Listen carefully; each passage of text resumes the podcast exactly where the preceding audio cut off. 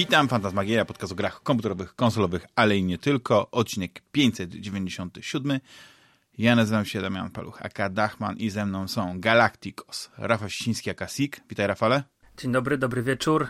Słuchaczki, słuchacze, Damian Ju... i jak powiedziałeś już Ju, to ja powiem aka Jules. Juliusz, cześć. Witajcie, witam, cześć i czołem kluski z rosołem. Tak, jakbyśmy to mogli lepiej, tak na żywo jakbyśmy byli, to moglibyśmy sobie tak spijać dzióbków, wiesz, ka każdy po jednej sylabie i raz, dwa, trzy, nie? Poszłoby.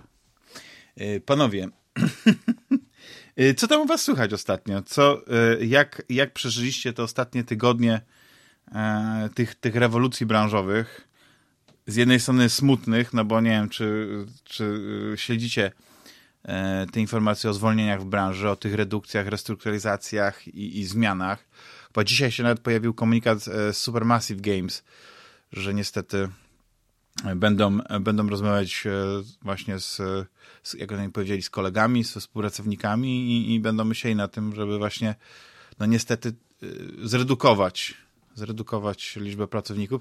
I trochę to jest smutne, bo, bo, bo wydawało się, że ta branża jest tak odporna na, na recesję, Pamiętacie, był taki moment, że wszyscy myśleli, że właśnie y, gry to jest to miejsce, gdzie, y, gdzie nic, nic nie jest w stanie ugryźć. No, a tu na, nagle po, latach, no nie, ktoś mówi sprawdzam i, i tak wiele się zmienia. No chyba, że no to są ci ludzie od, od tych wszystkich takich gier, jak na przykład Until Dawn albo Dark, jak się nazywa dokładnie ten tu? E, Anthology, ta antologia tych, tych Dark Pictures Anthology mhm. chyba tak się nazywa. Dokładnie. I Man of Medan i tak dalej, tak dalej. Było dużo takich gier. To są takie gry y, filmowe z taką minimalną interakcją, czasami y, dosyć ciekawe, bo, bo, bo jest taki z, rodzaj multiplayera, w którym jesteś w tej historii razem z, z, z kimś, to albo gra nawet z tą chyba na, na tej samej kanapie, albo może nawet przez internet, ale jakby to jest bardziej taka gra narracyjno-przygodowa. No. no ale na pewno widziałeś e, takie gry. No, ja jakbym miał sięgać gdzieś do jakichś takich otchłani pamięci, to, to jest trochę mniej skomplikowana gra. E, to nie są mniej skomplikowane gry, te, jakie na przykład e, David Cage produkował. Tak jak Heavy Rain na przykład, albo, albo Detroit, nie? One były bardziej po prostu skomplikowane, to chciałem powiedzieć.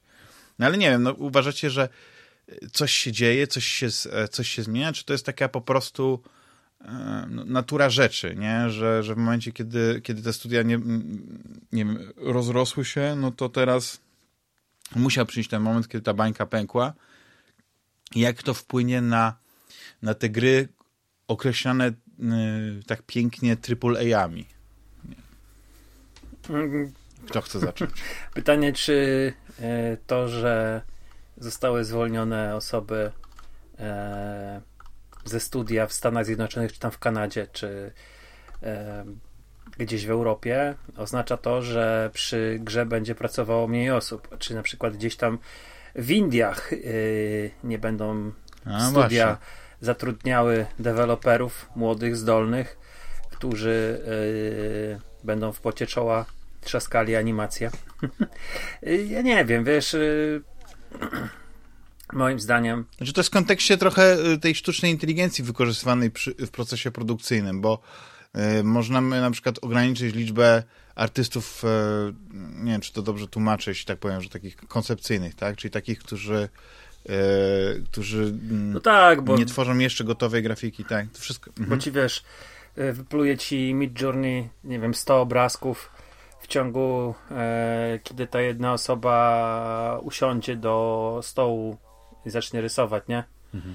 No tutaj możesz mieć Dokładnie. rację, ale to jest też... Samo z korektą. To jest wina, nie, moim znaczy zdaniem, jest... bardzo, e, bardzo dużej niechęci e, uzwiązkawiania się deweloperów. Moim zdaniem płacą teraz za to i będą jeszcze długo, długo płacili, zanim e, nie pójdą po rozum do głowy. Myślisz, że to jest taka reakcja? To jest taka reakcja, myślisz? Nie, że nie reakcja. Właśnie, właśnie to, że oni nie zrobili tego, nie wiem, 15 lat temu, tylko wierzyli Aha, w kapitalizm. się mści na nich Oczywiście, po prostu, tak, tak. Że, że... Mhm. No bo to się tak wydawało, że to jest takie wygodne, nie? Znaczy, dopóki byłeś tym freelancerem, to wszystko można było robić na takiej zasadzie, że mogłeś dla jednego studia coś zrobić, dla drugiego studia i nie, nie, nie, nie brało się pod uwagę jak, etatu jako takiego, takiej bezpiecznej przystani. No bo artysta nie myśli o takich rzeczach, nie? I, i, i tak, tak postrzegam e, no tak dużo, dużą liczbę. No tak, ale była ta, ta sprawa chyba na początku zeszłego roku, że e, jakaś grupa mm, devów i do takich chyba średniego też stopnia, czyli jacyś tam projekt menadżerowie, e, nie tylko mm, sami pracownicy tacy, tacy najniżsi, nie? E, przenieśli się do innego miasta i, i, i, e, i chyba to właśnie Bobby Kotick ich, ich, ich zwalniał, nie? Tak mi się wydaje, że tu chodziło o jakąś tam firmę z, z tego portfolio e, um, Activision Blizzard, ale chodzi o Activision. Więc wiesz, no moim zdaniem to jest kwestia tego, że yy, to jest niechęć Amerykanów do uzwiązkowiania się. Oni tam też mają problem, bo przecież y, oni nie mają takiej europejskiego podejścia do związków zawodowych, tylko oni mieli związki zawodowe w latach 50., 60. przejęte przez, w dużym stopniu przez mafię, nie? I e, no, w, te związki mhm. zawodowe budowlańców czy, czy kierowców ciężarówek. E, może tam się tak do tego też źle kojarzy, nie? Ale tak, znaczy wiesz, ja by patrzyłem na to a, a propos jak się, bo nie tak dawno i teraz, nie wiem, to tak strasznie ucichło, więc domyśl, domyślam się, że do jakiegoś takiego rozwiązania polubownego e, e, e, scenarzyści i, i aktorzy doszli, szczególnie ci, którzy, którzy nie są gwiazdami. Pamiętajcie, no był, był ten strajk e, scenarzystów, był strajk e, aktorów, i, I te postulaty były takie dosyć podobne do tego, co można powiedzieć y, tutaj, o których my wspominamy, jeśli mówimy o branży, nie? Że, że scenarzyści bali się tego, że y, taki, takiego najprostszego scenarzysta no nie może zastąpić faktycznie AI, bo już AI może wygenerować jakiś taki dialog, który y, ma być tylko takim wypełniaczem, a w serialach, szczególnie jakichś, nie wiem, telenowelach, to naprawdę nie ma znaczenia tam to pióro, to nie musi być tak, wiecie, tak napisane nie wiadomo jak. To może być napisane przez sztuczną inteligencję, którą e ewentualnie jakiś scenarzysta później poprawi. To samo a to nie było tak, że scenarzyści o tantiemy walczyli z platform No tak, tak, ale to był jeden z takich a, aktorzy, postulat, A aktorzy, tak. tu chodziło o to, że e, aktorzy nie chcieli e, godzić się na, mm, na postulaty Zresztą co Disney robił już, bo to, to się okazuje, że to już było w ich produkcjach jakichś tam mniejszych, nie oczywiście Marvel czy, czy, e, czy Star Wars, ale gdzieś tam w jakichś filmach już się ludzie dopatrzyli, że na przykład trybuny były wypełniane e, komputerowo wygenerowanymi ludźmi e, w jakimś tam młodzieżowym filmie czy serialu o to chodziło chyba, że Ameryka, e, Gildia Aktorów Amerykańskich nie chciała się godzić na to, żeby ich głosy były e, bez pozwolenia, ich wizerunek był bez pozwolenia kopiowany cyfrowo. Mm, że o to chodziło. Znaczy ja nie wiem czy scenarzyści rzeczywiście walczyli o, o to, żeby wyeliminować AI, ale... Znaczy właśnie to jest najlepsze, że zamiast... Jak, jak ja to odnoszę do gier, bo zamiast na przykład myśleć o tym, że te nowe narzędzia spowodują, że będzie taniej, można robić te coraz większe gry, no bo mówi się, że jak to e, teraz e, te studia muszą zatrudniać tysiące ludzi, no w takim Ubisoftie przy takim Assassin's Creedzie to, na, to te listę płac e, się przewijają kilka minut, nie? No, kilkadziesiąt minut może, nie? To samo z, pewnie z, z jakimiś e, RPGami. Ale kwestia jest taka, że wygląda na to, że nie że jest to takie zaciskanie pasa, że jest to optymalizowanie zysków, a nie e, pójście w to, żebyśmy mieli gry z segmentu, który moglibyśmy już hucznie nazwać, nie poczwórnym A albo coś w tym stylu, tak? Że to już by były takie gry na poziomie niesamowitym, że, że ten budżet e, oczywiście idzie w, w, w, gry, ale te gry i to... Mm, bo Juliusz, ty, ty wrzucałeś chyba taki... E, taki odcinek podcastu tutaj nam do posłuchania, go przesłuchałem wczoraj i tam też podnosi, e, e, że zapomniałem tytuł tego podcastu, chyba State of Ark, chyba się ten podcast nazywa i to był najnowszy odcinek. I tam była kwestia tego, jak, jak zmieniają się gry i przez to, że te gry są coraz większe, coraz większe w kosztach produkcji, tak coraz trudniej jest przy tych dużych grach zaryzykować cokolwiek, jeśli chodzi o jakąś taką... E, że ta gra musi być dla każdego, że ta gra musi mieć no, tam było kilka elementy, kwestii. Tak? To, to, to była jedna z tych kwestii, o której mówisz właśnie, że, że, że właśnie tak jak mówisz, czyli... Yy czyli że e, aha, że musi, oni tam akurat używali takiego porównania, że, że na przykład, nie wiem, w każdej grze z jakimś otwartym światem masz mechanikę skradania się w wysokiej trawie, nie? No i jak rzeczywiście spojrzysz Horizon, Assassin, e, w każdej z tych gier ten czy inny sposób pewne mechaniki są w zasadzie kopiowane jeden do jednego, nie? Albo jakieś elementy RPG muszą być, rozwoju postaci. Tak, bo, bo żeby taki... właśnie trafiać, albo z kolei, wiesz, pewne elementy muszą być ograniczane, Myślę, że o tym też dzisiaj będziemy mówić później, jak będziemy już rozmawiać o grach, w które graliśmy, e, po to, żeby gra właśnie miała szansę trafić do tego odbiorcy, który potencjalnie w ogóle nie brał jej e, pod uwagę, nie? Że, że zagra. Natomiast e, odnosząc się do tej kwestii, bo tak sobie tu wypisałem w punktach jeszcze, jak o tym rozmawialiście, to takie trzy rzeczy bym, na trzy rzeczy bym zwrócił uwagę. Pierwsza rzecz to jest kwestia ogólnie tego, w jaki sposób w ogóle funkcjonuje to całe, ta cała sztuczna inteligencja. Bo wydaje mi się, że to nie do końca jest tak, że ona po prostu tak jak człowiek, najwyżej mnie poprawcie, y, bo wy jesteście na pewno większymi ekspertami w tej dziedzinie niż ja, ale z tego, co powiedzmy ja się jakoś tam interesowałem czy, czy, czy słyszałem, no to jakby sztuczna inteligencja mimo wszystko tworzy te swoje obrazy przekształcając jakby dostępną pulę na przykład obrazów, przekształcając y, dostępną pulę tekstów, przekształcając, oczywiście robi to w sposób w cudzysłowie inteligentny, tak? Czyli to nie jest po prostu kopiuj wklej bezmyślne, tylko to jest jakby mm, na podstawie wykorzystania, y, jakby na podstawie czegoś, co już istnieje, tworzy coś nowego. Czyli, czyli tak naprawdę ta sztuczna inteligencja nie stworzy ci animacji E, powiedzmy, nie wiem, taki jak scena walki w jakimś dobrym hollywoodzkim filmie, która jest, nie wiem, wyreżyserowana przez choreografów od tych, nie wiem, scen walki i którzy robią to od podstaw i kombinują, jak to, jak to zrobić w danej, yy, że tak powiem, scenografii, w, w danej sekwencji filmowej. E, tylko jakby ta sztuczna inteligencja przeanalizuje tysiące różnych scen walki i na podstawie tego skompiluje, z tej weźmie to, z tej weźmie tamto i stworzy coś nowego. W związku z tym to jest jakby pierwsza kwestia jest w ogóle dyskusyjna, wydaje mi się, i być może to też yy, odnośnie tych wszystkich strajków, że tak naprawdę, wiesz, to tak jak ludzie mówią o tym, że wrzucasz zdjęcie na Facebooku na przykład swojego dziecka, i tak naprawdę być może w przyszłości sztuczna inteligencja jakieś elementy z twojego dziecka wykorzysta, tworząc jakieś inne y, wirtualne dzieci, nie? W, y, w grafice, czy w zdjęciach, czy gdzieś. Więc jakby to jest pierwsza kwestia, nie? Czyli wydaje mi się, że ja bym te, te wszystkie obawy bym raczej odwrócił. Wydaje mi się, że chyba to. Znaczy, wiesz co, chcesz przejść od razu do, do dalszych punktów, czy mogę się odnieść? Możesz tutaj, się odnieść. Tylko takie adwocem. Tak, tak. No bo chodzi o to, że tak, ja się zgadzam z tym, tu masz w 100%, że to jest wszystko, yy, na razie to działa tak referencyjnie. Pewnie jest jakaś baza, do której yy, być może jakiś yy, stokowy zbiór tych, tych wszystkich informacji, a być może nie do końca legalnych, no ale tutaj już nie o to chodzi.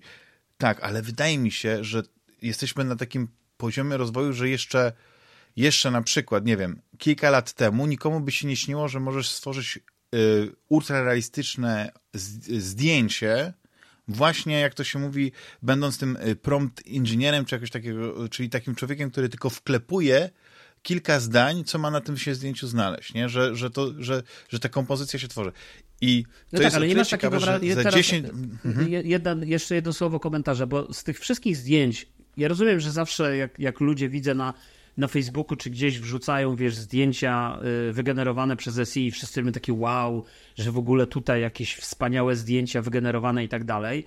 Ale dla mnie jakby te zdjęcia, mimo że ja nie, ja nie widziałem jeszcze żadnego zdjęcia wygenerowanego przez sztuczną inteligencję, które jakby użyje takiego górnolotnego sformułowania, które dla mnie miałoby duszę. Jakby ja od razu na pierwszy rzut oka widzę, że to jest sztuczny produkt, że to nie jest wygenerowany. I to nie chodzi o to, czy wiesz, że Mhm. y, o, o ten poziom jakości, że nie wiem, że nagle, y, wiesz, takie kiedyś, że nagle, nie wiem, powstaje Crysis, który wygląda jak zdjęcie, jak rzeczywistość, nie? Nie chodzi mi o to zupełnie. Tak. Y, ale chodzi mi o to, że jakby czujesz, Znaczy, że. co, no, je- Czujesz, że za tym, za tym zdjęciem, za tym kadrem, za tym ujęciem, za tym, za tym, co na tym zdjęciu jest, za tym wyrazem twarzy, za tym spojrzeniem kryje się pustka. Wiesz, że jakby ja nie Mhm. no spotkałem. tak, tak, tak, ale to jest... A to jest Znaczy, bardzo ja subiektywne, bardzo zdjęć ludzkie odczucie. s- Moje. Tak. No i to jest, to jest coś, co kiedyś nazywaliśmy to Uncanny Valley. Że, że e, widziałeś coś i widzisz, mm, mm, to tak to nie, nie do końca wygląda. Ja pamiętam, jakie wrażenie robiło na mnie Final Fantasy The Spirit Within. I to jest e, 22 lata temu. To była animacja robiona w taki sposób, że zdjęcia tej bohaterki, już zapomniałem jak się nazywała, e, które wy- wypadło z pamięci, ale były chyba w Playboyu, czy w jakimś takim magazynie, czy w, nie, nie w CKM-ie, czy coś w tym stylu. Tak jak Tris, między innymi z Wiedźmina 3 też się gdzieś pojawiała w tym. I widziałeś, że to jest sztuczne, nie? Widziałeś, że to jest to, bo, ale to też był wygenerowane przez człowieka. Tylko jesteśmy na, taki, na takim pierwszym etapie, kiedy naprawdę to robi wrażenie. Bo może to gdzieś tam w jakichś laboratoriach To znaczy Właśnie, właśnie ja mówię o to czymś widział. innym, Damian. To znaczy robi wrażenie technicznie. No, Ja właśnie- Proszę, Rafał, może. Ale mi chodzi o to, że przyjdzie taki moment, y, że, że to z, zobaczysz, pro- że to tak zaskoczy, że cię, że cię oszuka. No, przepraszam, już oddaję Rafałowi głos. Ja tylko chciałem wtrącić, że y, takie samo odczucie ja mam, jak ty mówisz, Jules, o tym, że tam nie ma, powiedzmy w cudzysłowie, koszy duszy. E, to ja wchodzę na Instagrama, wchodzę w zakładkę tam to proponowane i 90% y, modelek. I tutaj brzydko to może wygląda, bo ja tutaj uderzam jakoś w kobiety, ale 90% modelek instagramowych, influencerek, które mają identyczne pozy, identycznie wyglądają, identycznie wyprostowane włosy, identycznie zrobione usta i e, to są zdjęcia produkty, to nie ma mieć żadnego waloru artystycznego, to ma ci sprzedać e, pomadkę, to ma ci sprzedać, e, nie wiem, ziółka na przeczyszczenie, to ma ci sprzedać e, hotel, plażę czy cokolwiek, a niekoniecznie to ma być jakieś, jakieś e, coś, coś wielkiego, coś mm, wartego zastanowienia się. To nie ma, to, nie, to, to, to są produkty, zdjęcia jak produkty i tak samo wydaje mi się, że te, te grafiki, e, które udają zdjęcia wygenerowane przez AI, nie można rozpatrywać w kategoriach Jeszcze. artystycznych No tak, tylko y, tylko w kategorii y, nigdy, nigdy, nigdy nie, nie możesz e, tego rozpatrywać w kategorii artystycznej, bo to nie jest, y, tam nie ma człowieka. tak, To nie, nie, to, to się nie ma zgodzę, to się zgodzę. To, że to, że, że nadepnie ktoś, ktoś, że to ktoś nadepnie na tubkę farby i, i z tego się wyleje farba na, na płótno, to nie znaczy, że mamy e, dzieło, tak? To jest przypadkowo. I tak samo moim zdaniem nie można mówić o tym, że e, mamy, nie możemy mówić w tym w przypadku o artyzmie, tak? E, natomiast w przypadku SI, SI to e, to, że będziesz miał jakiś super wyglądającą grafikę, która będzie przypominała obrazy ro, ro, Royo, czy tam e, nie wiem, e, załóżmy, że e, mm, Franzety, czy, czy kogokolwiek, nie? Jakieś, Tak. mówię o, fan, fantazji, jakichś takich, e, nie wiem, e, barbarzyńcach i dzikich kobietach półroznegliżowanych, to, to i tak to będzie produkt, a nie będzie w tym to, że to się będzie komuś podobało, spoko. Niektórym się podobają reklamy środków do czyszczenia toalet. Eee, dlatego ja tego tak nie rozważam. I tutaj Jules ma rację, ale mm, nie, nie ma sensu się zatrzymywać. Ja już tak za dużo czasu poświęciłem temu, teraz tłumacząc Ja chcę się odnieść do jednej rzeczy właśnie, do, do, tego, co Rafał powiedziałeś, bo oczywiście to, co mówisz o Instagramie, no to okej, tylko jakby wydaje mi się, że to troszeczkę, wiesz, yy, rozmijamy się w tej dyskusji, bo to nie chodzi o to, że na Instagramie, że, że będziemy mieli rzeczy, które sprzedają produkty, tylko mówimy o grach, czyli mówimy o tym, co jest produktem, dla mnie przynajmniej, w jakimś sensie jednak kreacyjnym, ludzkim I jasne, y, mamy, y, że tak powiem, y, wiesz, wielkie produkty AAA i tak jak tutaj już Damian mówił, jest ta pogoń za tym, że, że te firmy mają te wielkie budżety. To jest z kolei trzeci punkt, który sobie napisałem, który podkradłem z tego podcastu, o którym wspominał Damian. Mianowicie, że ta branża też się zmienia, dlatego że ona się bardzo mocno ukorporacjowi, nie wiem jak, jakiego słowa użyć, ale że e, mamy do czynienia po prostu z wielkimi korporacjami, które są po prostu wielkimi przedsiębiorstwami i jak każda korporacja, oni muszą co mm. roku mieć growth, nie? I każdą konferencję tak, Microsoftu, zyski, którą, muszą ciągle rosnąć. Każdą konferencję Microsoftu, którą Phil Spencer otwiera, to on mówi o tym, że nam zależy na growth, bo ci wszyscy jego inwestorzy i ci wszyscy, którzy y, mają swoje akcje w Microsoftie, oni po prostu z dnia na dzień zaczną te akcje sprzedawać, jak ten growth ten wzrost, nie, ten z, z, tak. wzrost jakby rok do roku nie będzie spełniony. W związku z tym te firmy szukają różnych rozwiązań. Bo nie będzie dywidend. Ja osobiście uważam, paradoksalnie, mam troszeczkę inne zdanie, bo ja uważam, że bardzo dobrze, niech tak się dzieje, bo moim zdaniem na, takim, y, na takiej sztucznej inteligencji to właśnie to jest idealna równia pochyła dla takiego Ubisoftu, dla takiego Microsoftu, nawet dla Sony, jeżeli zamierzają w ten sposób iść. Dlatego, że moim zdaniem to jest jakby przyznanie, że ludzie będą grali w gry, które są sztucznie tworzone, które nie mają w sobie żadnej wartości, nie mają w sobie, są po prostu totalną wydmuszką, bo nie mają tego pierwiastka ludzkiego. A ja zakładam, że nawet jeśli jest bardzo wiele gier, które powstało, które są, nazywamy AAA-ami i mówimy, że to są wielkie, budżetowe produkcje, ale jednak stworzone przez człowieka i nawet jeśli ta fabuła w tych grach, nawet jeśli te postacie, nawet jeśli mamy do czynienia z kliszami, nawet jeśli mamy do czynienia z utartymi schematami i my doskonale wiemy, zaczynając tą grę, jak ona się skończy i wiemy, że tak naprawdę będzie cliffhanger i że ten będzie Schwarz charakterem i że tamten go zdradzi w piątym akcie, My to wszystko możemy wiedzieć, ale w dalszym ciągu mamy do czynienia i obcujemy z czymś i możemy obcować z czymś, mhm. co jest przede wszystkim stworzone przez człowieka i mamy wrażenie, że jednak bardzo często nawet te AAA mają w sobie jakąś duszę, mają jakiś taki pierwiastek twórczy, który, który jest możliwy tylko do osiągnięcia przez człowieka. Ja w to przynajmniej wierzę głęboko i dlatego uważam, tak, że tak, tak. Y, jakby znowu,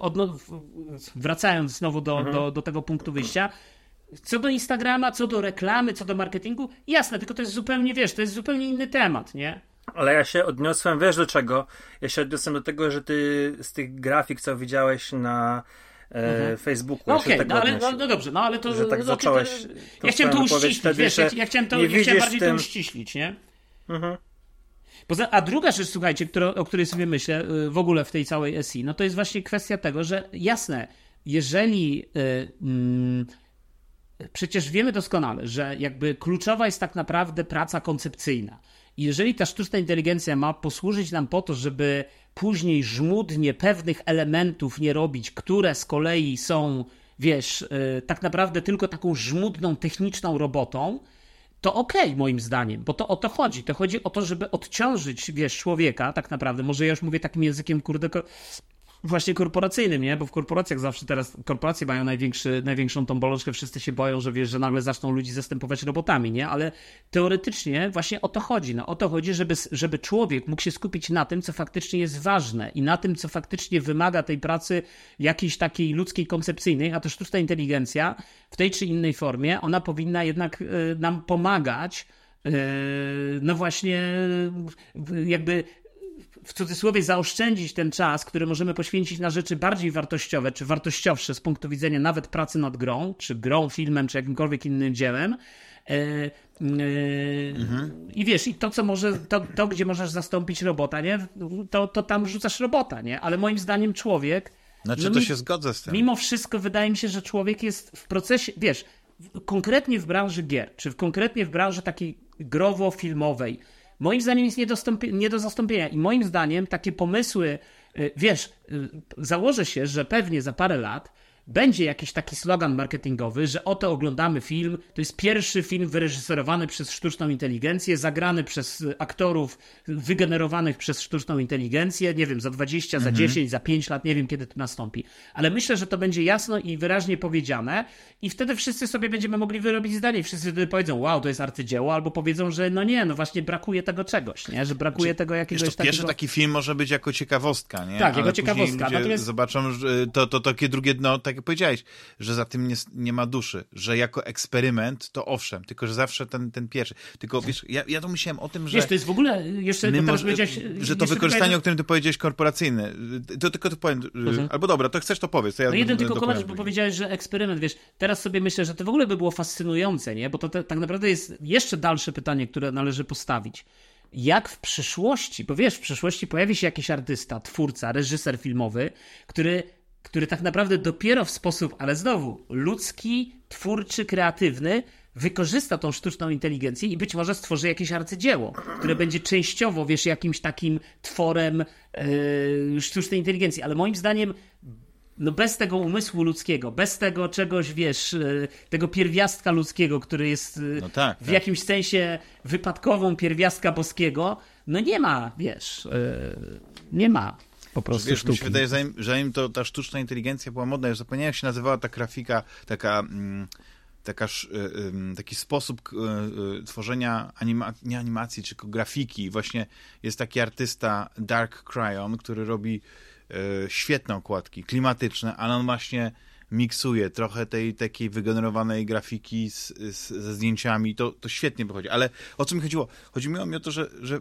w 100% właśnie y, zgadzam się z tym, co powiedziałeś, bo chodzi o to, że tylko mój problem jest taki, że zamiast właśnie y, studia wykorzystywać to, że mają dodatkowe narzędzia i one wykorzystują je, ale chodzi o tego, żeby na przykład tworzyć te gry jeszcze lepsze, większe i tak dalej, to oni dochodzą do tego, że to jest dobry pretekst, żeby na przykład zredukować liczbę pracowników, zredukować, e, e, pozbyć się z kilku artystów, bo tych artystów można zastąpić Nie sądzę. właśnie jakąś taką... Nie, nie wydaje e, mi się. Co to są Nie znam przypadków. Znaczy, ja nie wiem na jakiej zasadzie, ja musiałbym artystów, zobaczyć ja, też, to, to, ja nie znam przypadków. kogo zwolniono, wiesz, w tych wszystkich No ale to studiów, byli nie? artyści, jakie, jakie wiesz, to nie się, jak wiesz to się tego, składa. nie, kto to był.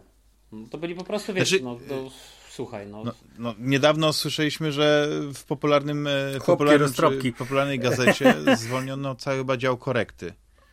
No czyli sobie wyobrażasz, że tam już totalnie chyba jednak albo liczą na to, że wszyscy potrafią już świetnie pisać i nie potrzebują tego, żeby ktoś taką e, tę interpunkcję, czy nawet taką zwykłą redakcję przeprowadził tekstu, bo, bo to może zrobić e, sztuczna inteligencja i szczerze mówiąc to sztuczna inteligencja, bo to jest model językowy, nie? Ten, ten pierwszy, taka, którą my y, najbardziej kojarzymy, czyli ten chat GPT, no to on świetnie sobie radzi, no nie, z tym, ale pytanie jest, do czego to doprowadzi. Ja sobie wyobrażam, że kiedyś właśnie w przyszłości, tak jak powiedziałeś, no mógłby być taki film wyreżyserowany i tak dalej, ale w naszym przypadku to mogłaby być taka gra, że gra, która generalnie ten, ten, ta, abs- ten, ten, ta, ta wolność absolutna w tej grze jest właśnie generowana, ale czy to już wtedy w jakikolwiek sposób będzie gra, czy to będzie jakaś taka e, proceduralna, e, wirtualna rzeczywistość, w której wszystko po prostu do naszych preferencji się dostosowuje i, i tworzy nam taką grę, jaką my chcemy.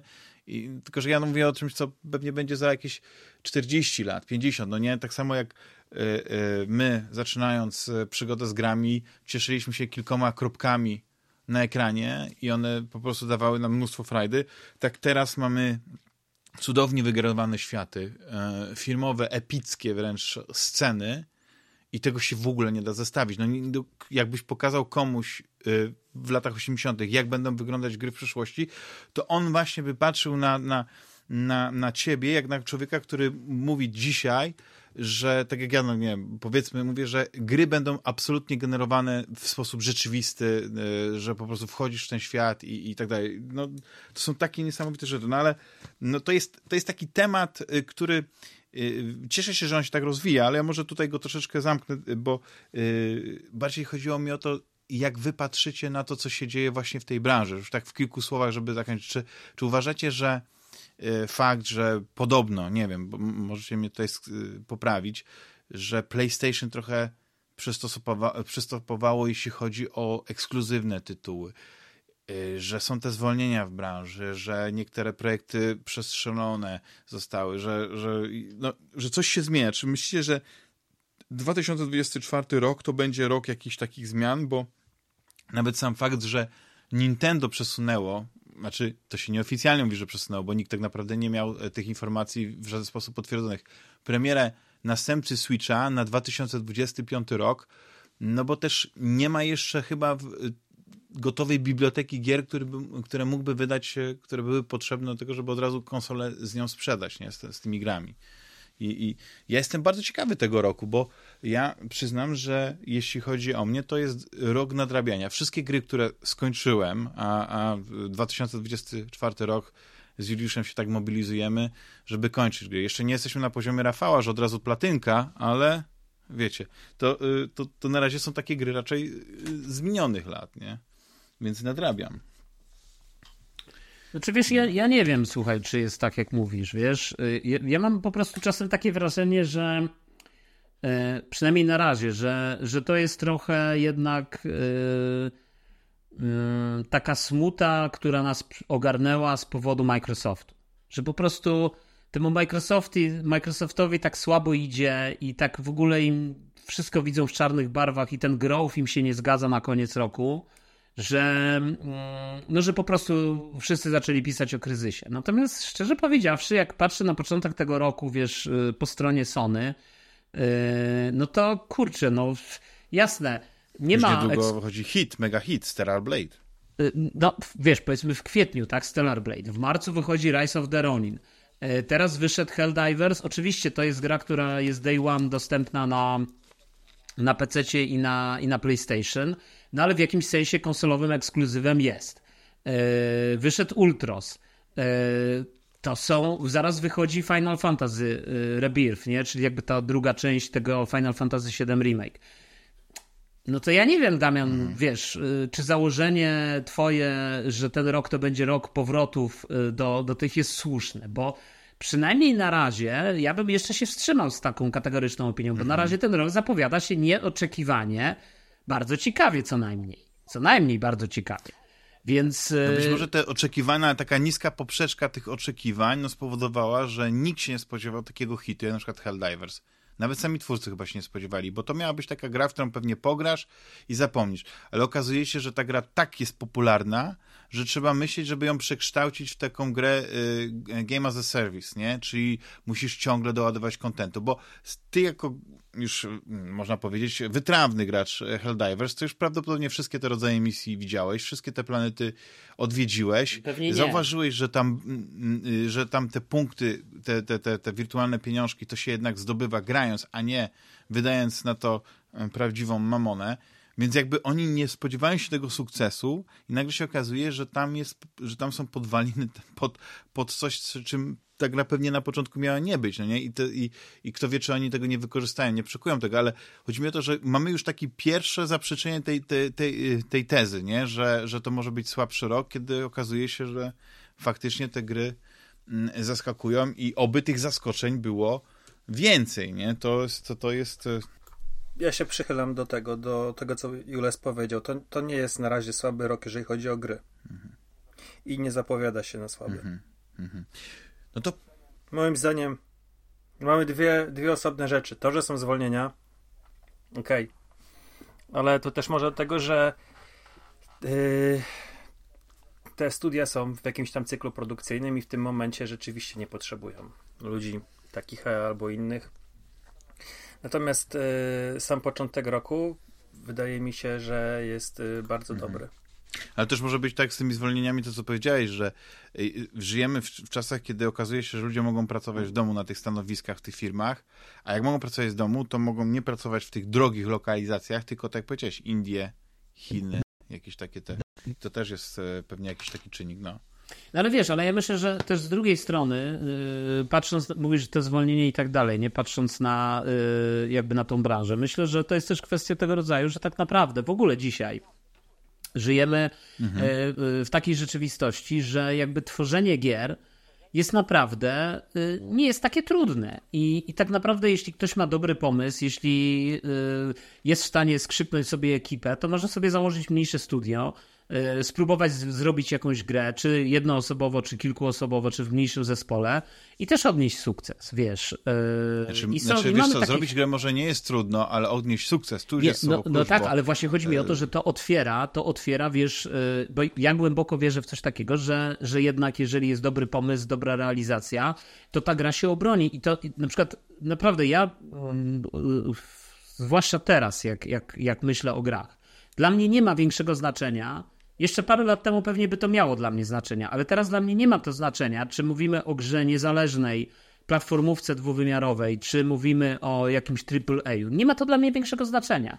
Bo po prostu moja growa rzeczywistość w ostatnich latach udowodniła mi, że zagrałem naprawdę wybitne gry, wybitne gry, które były tworzone przez jakieś w ogóle śmiesznie małe zespoły ludzkie, przez jakieś niezależne studia i, i, i przecież nawet w 2023 czy, czy drugim roku, jak y, y, robiliśmy te podsumowania, no to przecież jakie gry wtedy u nas wygrały, no. U mnie ta pierwsza trójka to co to było? To było Sifu, ten Memoir Blue i, Memory Blue. i jeszcze i Immortality. No to wiesz, no kurczę, no stary, no to, to, to nie było. Ale, ale, ale to też był taki rok ciekawych gier, no nie? No Immortality to jest, to jest fenomen, dlatego taki gier... To, to, no nie, ale to wiesz, ale to dlatego mówię, dlatego mówię, że tak naprawdę E, nawet jeśli jacyś deweloperzy są zwalniani i jacyś programiści są zwalniani, to jest oczywiście źle, wiesz, ja, jakby ja nie życzę nikomu takich, takich sytuacji, nie? Jakby to, to nie o to chodzi. Ja nie, chcę, ja nie chcę powiedzieć, że to jest jakoś uzasadnione, ale wydaje mi się, że w dalszym ciągu w tym świecie, e, w tym świecie growym e, naprawdę są duże możliwości i i myślę, że nawet finalnie, jak spojrzymy na, na takiego Game Passa, to nawet ci deweloperzy, którzy zrobią te mniejsze gry, E, mniejsze projekty i też takie mieliśmy w historii w ostatnich kilku lat. Microsoft je przyjmie na swoją platformę, wrzuci do Game Passa i ten deweloper spokojnie sobie wyżyje i być może, wiesz, zacznie y, tworzyć y, opus magnum swojego życia, tak? Od czegoś tam zaczynając, od czegoś mniejszego, od jakiejś mniej, mniejszej gry, a być może, wiesz, dołączy, zostanie wychwycony później przez jakichś tam, y, wiesz, ekspertów od przejmowania studiów, nie wiem, z Sony czy z Microsoftu i, wiesz, i, i, i zostanie za, zatrudniony do pracy nad większym innym projektem, więc myślę, że to jest, wiesz, to jest jest kwestia otwarta, nie? No dobra, ale tak jeszcze mnie to ciekawi cały czas, skąd pomysł, że w ogóle to będzie słaby no, rok? też mnie to ciekawi w sumie. bo, bo yy, no bo sam marzec to jest Dragon Dogma 2, no. to jest yy, to jest Alone in the Dark, Rise of the Ronin, to jest yy, Rise of the Ronin, to jest na PC wychodzi o ile się nie mylę, Horizon Zero nie Zero Dawn? Tak, to jest ta druga część. Forbidden West. Forbidden, Forbidden West, West, sorry. Mm. Forbidden West wychodzi na PC-ta. E, to, to jest sam marzec, nie? City, City Skyline 2 chyba jeszcze z tego co pamiętam na, na konsolę.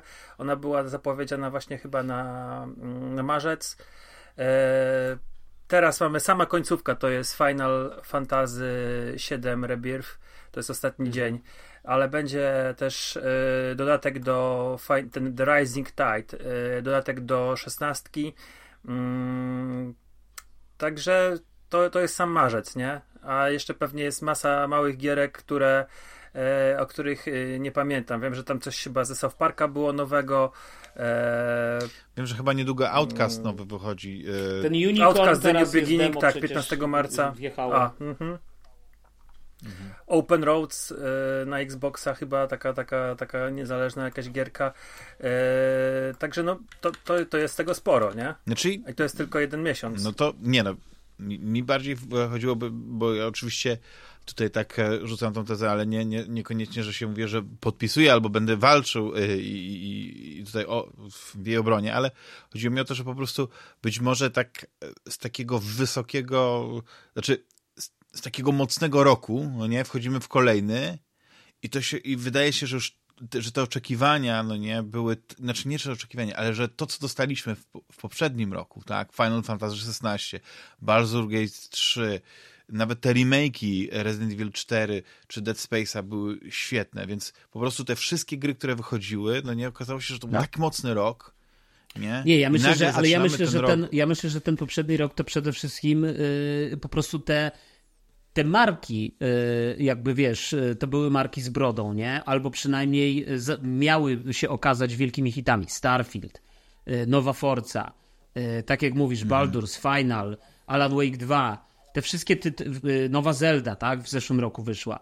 To, to są wszystko, tak. wiesz, to są wielkie tytuły, nie? Na ten rok my tych wielkich tytułów nie mamy, ale z drugiej strony, no mamy Dragon's Dogma 2, który się zapowiada bardzo ciekawie. Mamy Rise of the Ronin, który będzie nową marką i nie wiadomo, wiesz, może to, będzie, to będzie hit or miss, nie? Jakby zobaczymy. Stellar Blade. To się może okazać narodziny nowego w ogóle e, nowej serii, tak? Wiesz, na. Mhm, więc, jest więc kwiecień, wiesz, więc no. jakby okej, pod, jakby pod tym względem no nie, no nie mamy Starfielda, nie mamy zapowiedzianego Elder Scrolls, znaczy mamy jakieś Elder Scrolls Online, tak swoją drogą wychodzi jakiś tam kolejny dodatek, nie?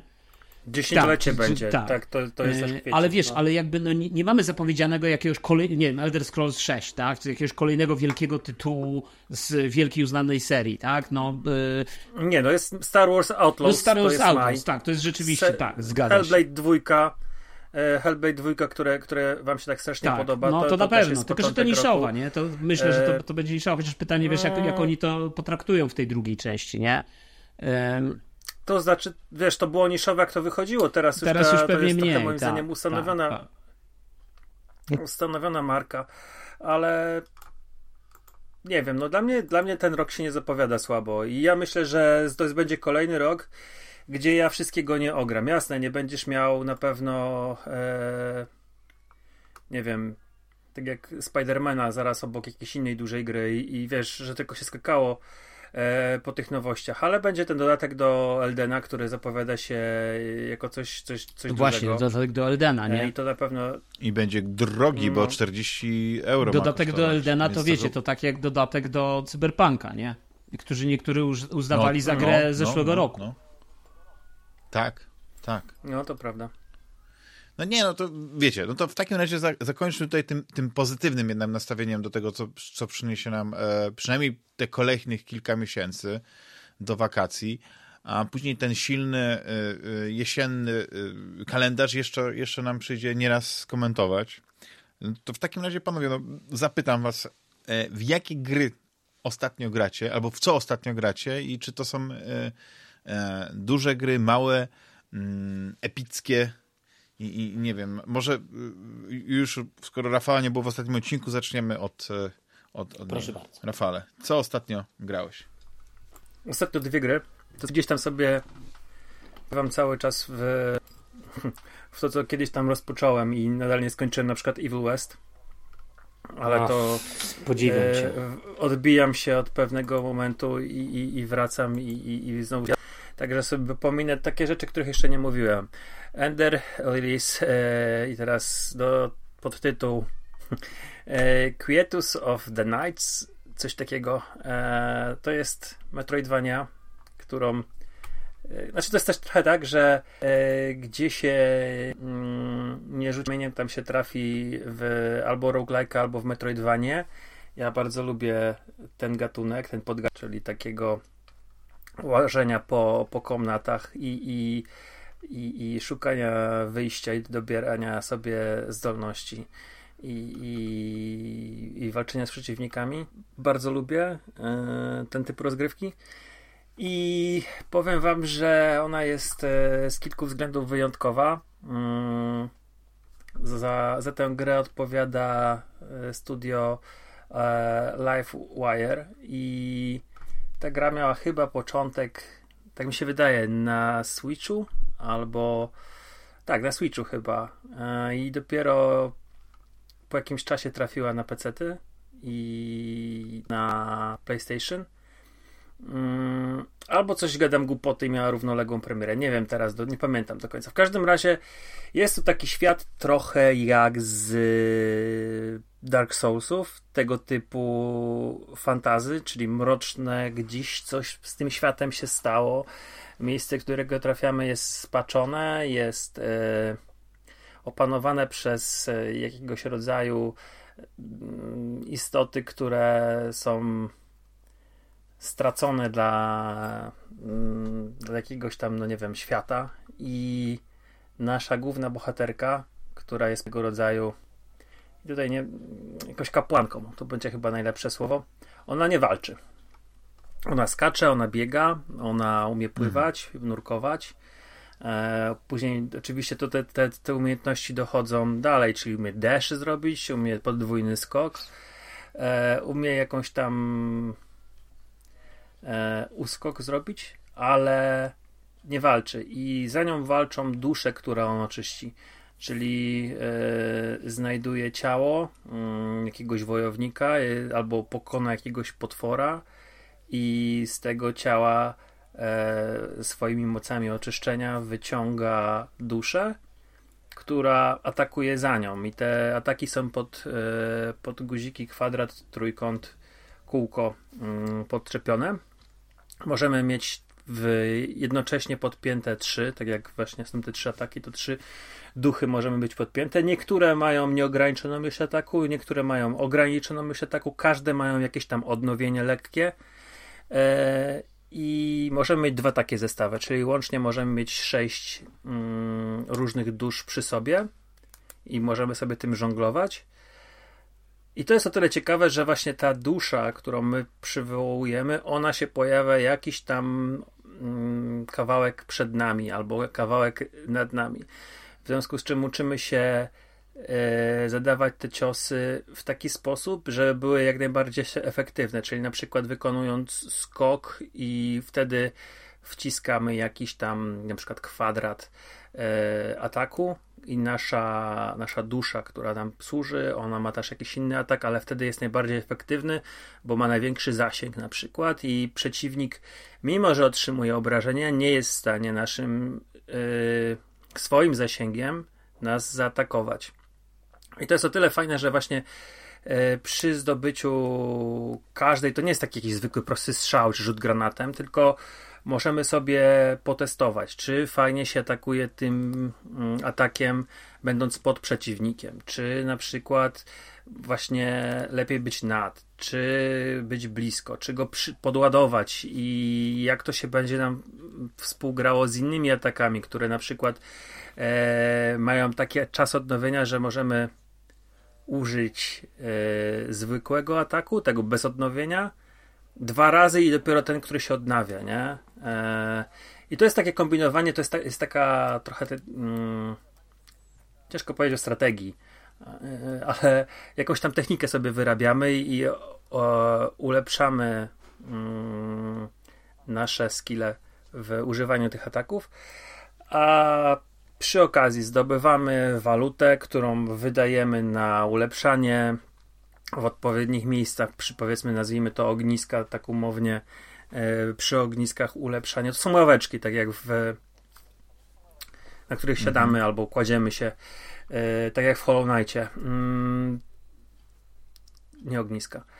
E, znajdujemy artefakty, które ulepszają nam nasze zdolności, czyli na przykład mamy szybsze, szybsze odnawianie jakichś tam umiejętności, lub też mamy więcej ładunków, lub też mamy nasz Estus, znowu kreszę cudzysłów, bo to nie jest Estus per se, e, pozwala nam odnowić większą ilość życia. Mm, albo mamy więcej ładunków Estusa.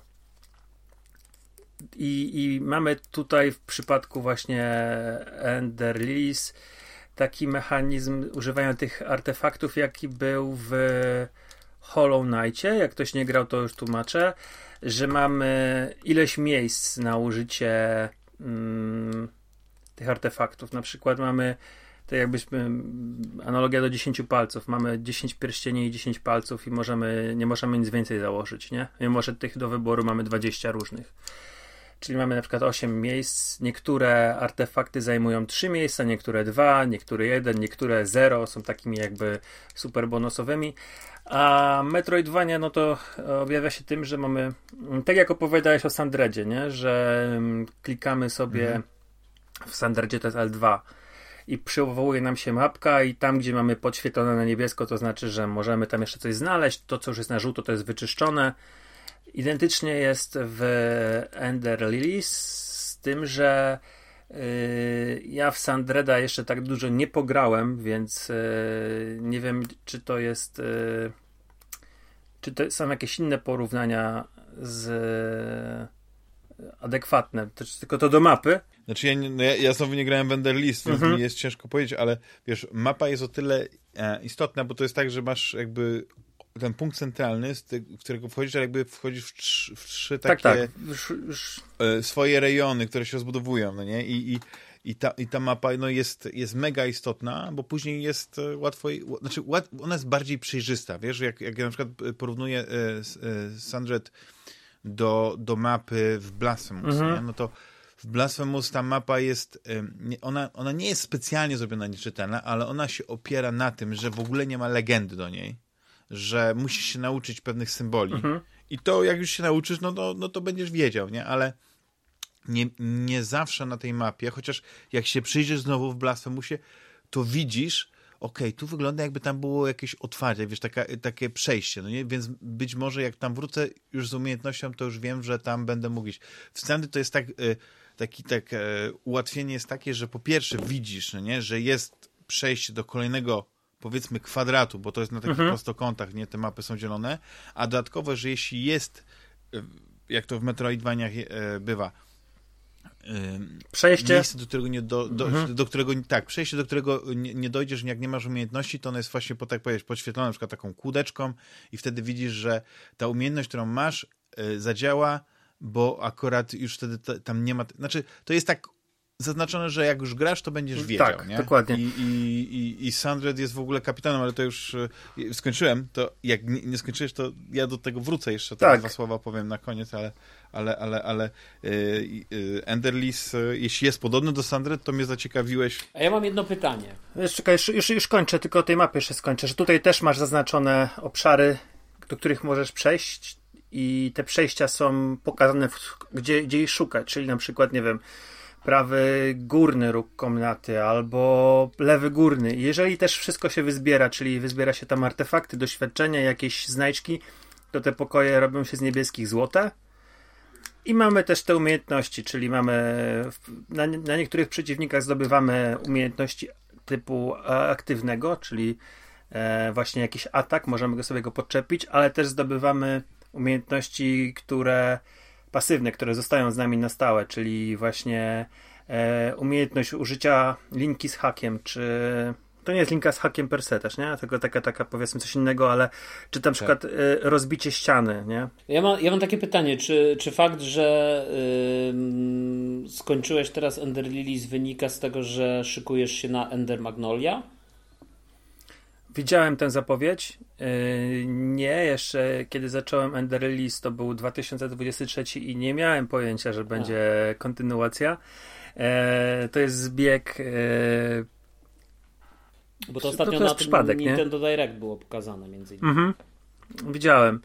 E, zupełnie inna e, Przez pół sekundy myślałem, że Juliusz e, żartuje, a to faktycznie jest gra Ender, e, Ender Magnolia. Oj, Damian, ty to jesteś naprawdę. Tam jest, tam jest, tutaj mamy takie, wiesz, mroczne średniowiecze, które mm, bardzo mocno w swojej estetyce te, te, te wszystkie e, lokacje to się gdzieś tam odwołują, na przykład do gotyku. One mi przypominają, bo po części to jest to dark fantasy, ale trochę mi przypomina to y, taki, te, to, to średniowiecze jak y, w Plague Tale. Nie wiem, czy graliście w Plague Tale. Oczywiście tam są szczury i tak dalej, ale jest takie mhm. mroczne, brudne. Oczywiście potrafi być tam piękne, bo tak jak zaczynamy na przykład, szczególnie tą drugą część, zaczyna się no, przepięknie, a później jest coraz mroczniejsze, coraz więcej tych szczurów, tego wszystkiego. I jak teraz sobie oglądam zdjęcia z tego, no to wygląda mhm. kapitalnie ten, e, ten Ender Lilies, mhm. nie, graficznie. Nie? To, jest, to jest naprawdę coś e, takiego świetnie, no jest... narysowanego, nie? Bo jak zacząłeś mówić o Hollow Knightie, to sobie mówię, kurczę, no mam nadzieję, że to nie wygląda jak Hollow Knight, ale teraz jak patrzę na zdjęcia, no to widzę, że, że tutaj faktycznie mamy do czynienia z grą, która jest naprawdę bardzo ładnie narysowana. Tak i co ciekawe, te, te pomieszczenia, do których trafiamy, one często same w sobie są jakiegoś rodzaju zagadką, że tam jest trochę kombinowania, jeżeli chodzi o, o to, żeby przejść dalej. My yy, widzimy, mamy oczywiście rzut z boku, więc widzimy na przykład, że jest jakiś korytarz pod nami. Tam są drzwi, jest dźwignia, ale no nie, w żaden sposób nie jesteśmy mm, tak na pierwszy, na pierwszy sposób trafić tam właśnie do, do tego miejsca. Trzeba gdzieś tam jakąś windą pojechać, jedną, drugą, gdzieś tam przerzucić jedną wajchę, która otworzy, zamknie inne drzwi. Jest, jest kombinowania i mm, nie są to takie zagadki E, bo oczywiście odblokowujemy skróty, tak w cudzysłowie też mówiąc. Czyli jeżeli raz sobie przejdziemy taką, takie pomieszczenie, zagadkę, no to, to już nie musimy tego powtarzać. Będziemy mieli otwarte e, przejście szybkie. Mm, ale one nie są takie, wiecie, yy, wkurzająco głupie, nie? Tylko gdzieś tam zawsze ta gra nas nagradza i eksploracja też jest fajna, bo mm, to, że, to, że są te pomieszczenia zaznaczone, że coś tam jeszcze gdzieś jest i że szukaj tego, nie? I, I, masz te umiejętności i może to jest jakieś pomieszczenie ukryte albo u góry, albo u dołu i trzeba w jakiś sposób tam się dostać, bo ściana jest niewidzialna, albo to jest jakaś taka bardziej wymagająca zręczności odpowiedniego wciskania mm, i odpowiedniego bujania się na lince e, półka, żeby, które, do której trzeba się dostać. Albo to jest e, pomieszczenie, które mm, kryje się za jakimś tam silnym, silną grupą przeciwników, z którą ciężko się walczy e, i do której się na przykład nie, nie opłacało podchodzić, nie? Ale, ale akurat jednak się opłaca, bo coś tam fajnego jest. Także ta gra, e, ja mam jedno zakończenie z trzech zrobione.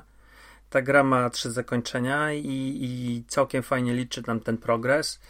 E, bossowie są od bardzo mało wymagających, których przechodzi się z marszu, którzy są e, aż, aż przykrym wyzwaniem, nie? I to nawet nie chodzi o to, że um, jesteśmy jacyś super silni, tylko po prostu e, gdzieś taki taki prosty, prosty e, proste, tanie wręcz ataki nasze są, są w, w, premiowane i, i, ale są też bossowie, którzy mi bardzo krwi napsuli, którzy jakąś tam frustrację w zeszłym roku wywołali i, i, i gdzieś tą grę odrzuciłem na trochę.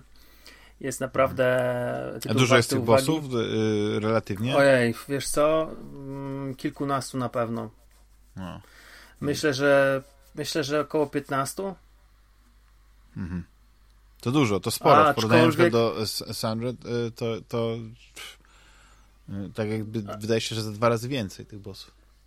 Znaczy wiesz, to, to też takich dużych, dużych bossów może być dziesięciu, nie? Takich jeszcze te liczę takich, z których można tam gdzieś jakąś umiejętność wyciągnąć. No tak, tak, tak mi się wydaje. Nie liczyłem też ich od początku, bo tak jak wspominam, grałem, grałem w listopadzie, grę e, zacząłem nawet chyba nawet wcześniej, w październiku. I, i tych e, na pewno na pewno jest ponad dwa, chyba 20 dusz do, do tego, do uwolnienia, czyli wynikałoby z tego, że możemy mieć jakieś takich 20 bossów, ale niektóre dusze to są mm, bardzo, bardzo skromni przeciwnicy. Więc ja bym się takich cięższych to jest 10, takich, których można uznać za bossów jest 15. Mhm, mhm. No su super. Wiesz co, do tego, żeby się teraz y, zainteresować tą grą, bo jestem na etapie właśnie tego, że e, e, Metroidvanie wyjątkowo dobrze mi wchodzą, szczególnie jak się gra w takiej formie przenośnej, nie? Czy na, na mhm. czy na e, Switchu, czy na Steam Decku, czy na Rogu. To, to po prostu jest super sprawa i ja, ja tutaj nie będę specjalnie mówił, bo już tak jak powiedziałem tydzień temu, nie, gram w tego Sandred i wczoraj przeszedłem, grałem do późna i po prostu podoba mi się, że ta gra nie jest, ona, ona stawia wyzwania, ale przez to, że trochę jak, jak w tych, e, jak w Soulsach właśnie, że możesz grindować, tak, że możesz e, te umiejętności rozwijać. Masz naprawdę rozbudowany taki potężne drzewko umiejętności, jakichś dodatkowych perków, perków takich, które mm, dają ci bonusy, a też dają ci na przykład coś za coś. I zawsze to... A, przepraszam, jeszcze wrócę na chwilę, mhm. że Wenderylis, kapitan straży pałacowej, ma na imię Juliusz. O. Sobie zapisałem na karteczce o. i nie wiedziałem o co tu chodzi, ale teraz już wiem. Także jest jeden z najtrudniejszych yy, i pod koniec bossów nazywa się. No to już wiesz. Nie, nie dziwota. Nie dziwię się, że, że jest najtrudniejszy. Tak.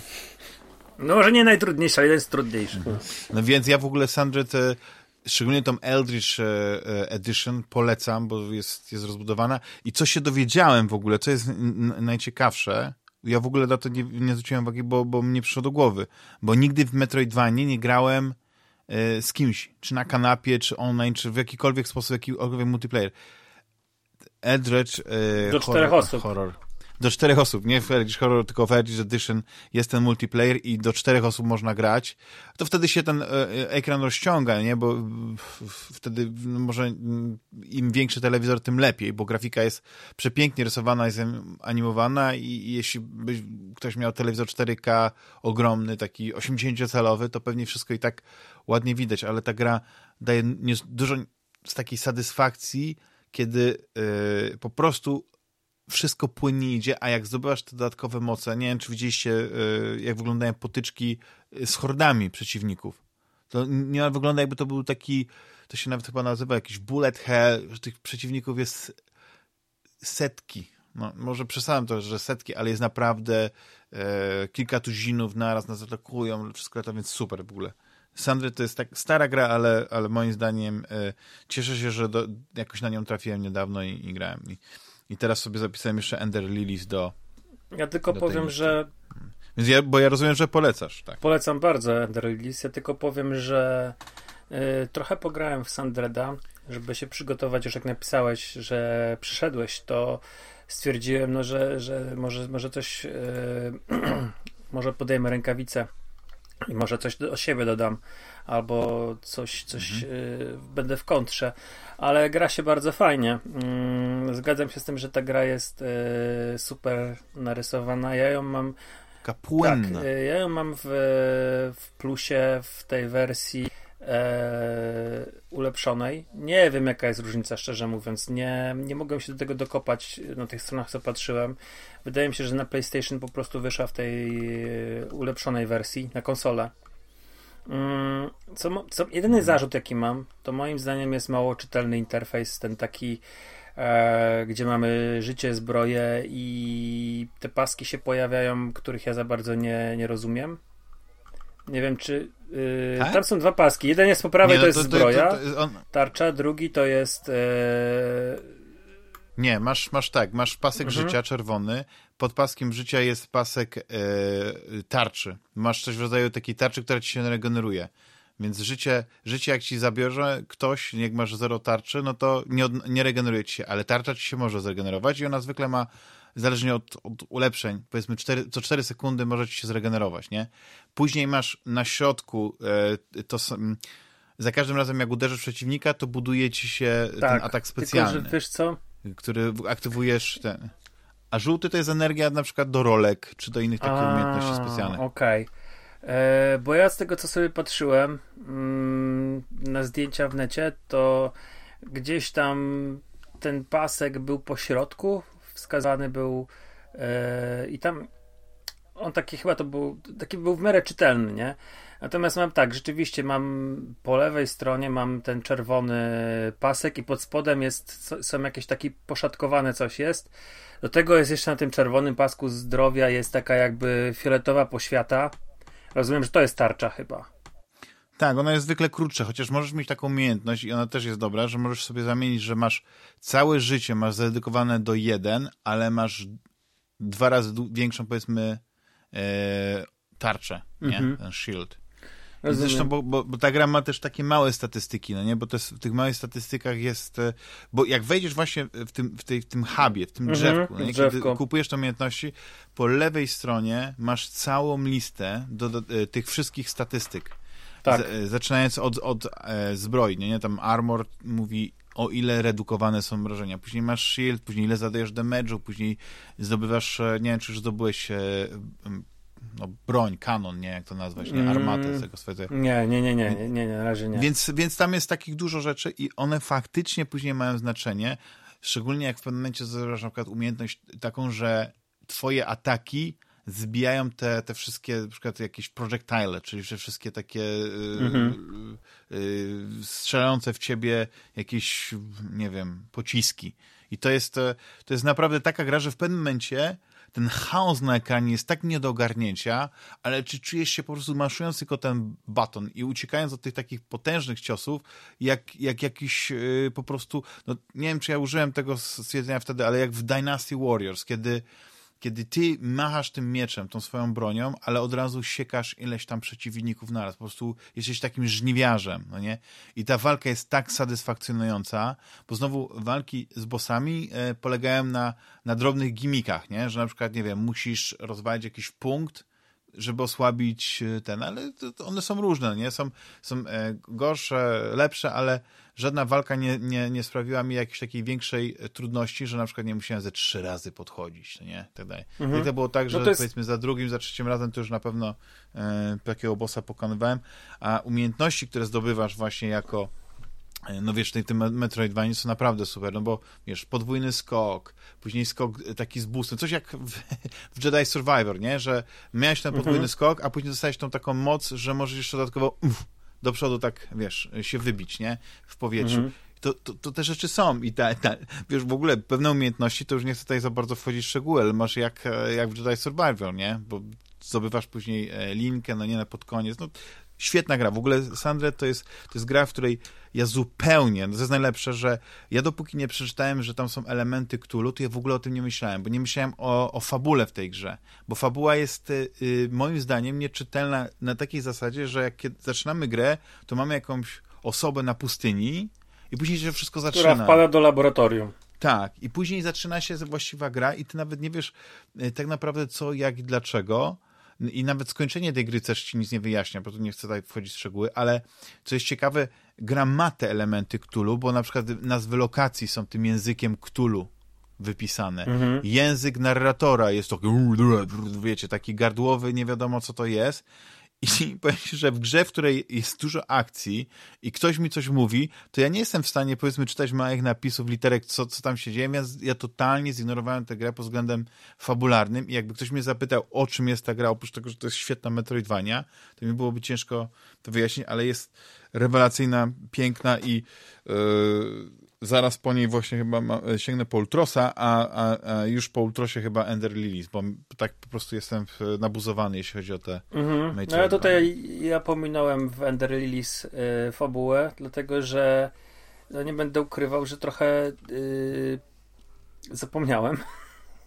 To znaczy, to, to jest. Y, problem mój jest taki, że gdzieś tam, e, jak wspominałem, zacząłem w październiku i rzeczywiście początkowo mocno śledziłem. Jakiś tam miałem w miarę pomysł na, na, na układanie sobie tej enigmatycznej fabuły, bo znajdujemy oczywiście masę listów, ale po powrocie gdzie powiedzmy mm, przeszedłem znacznie większą część gry, już trochę mhm. od, od, odpuściłem czytanie tych wszystkich dodatkowych rzeczy i Powiedzmy, że fabuła jest taka, że ta, ta, ta nasza postać musi e, zastąpić swoją poprzedniczkę i oczyścić krainę, ale też wspomniałem, gra ma trzy zakończenia. Podejrzewam, że to trzecie łączy się z, z jakimś pokonaniem jakiegoś zła, które gdzieś tam się jednak e, czai. Mm, większego zła niż, niż to, co, co, co do tej pory spotkaliśmy. Także też, też nie wiem za bardzo o co w fabule chodzi. I w Sandred też mi się zauważyłem, że chyba mi się nie będzie chciało yy, jakoś mocniej wnikać. To nie jest w ogóle istotne. Po prostu cieszysz się tylko, wiesz, tymi, tymi różnymi biomami. Ja już nie wiem, czy to jest od najlepsze słowo, żeby to określić, ale te lokacje potrafią być inne i, i, mhm. i to jest naprawdę. Ale też nie chcę za bardzo, bo też yy, wciąłem się z tym moim Sandredem, ale rozumiem, że Enderlis yy, polecasz, nie? Mimo wszystko. Polecam, tak? polecam. Tak. Mhm. Mhm. Juliuszu. Jest, e... jeszcze, jeszcze wyższa jedna rzecz. Tak? Walka jest zdecydowanie wolniejsza, bo tutaj Sandret jest super szybki, e, mhm. natomiast tam jest walka bardziej skupiona. Możemy sobie e, zrobić parowanie, możemy zrobić sobie rolkę, możemy się zablokować, także to tam jest zupełnie innego rodzaju walka niż, niż w Sandredzie. Jeżeli ktoś grał w mhm. Sandreda, to walka w Ender Release jest jej przeciwieństwem. Mhm. Juliuszu, w co w ty ostatnio grałeś i może masz e, czyś że jakąś dużą grę?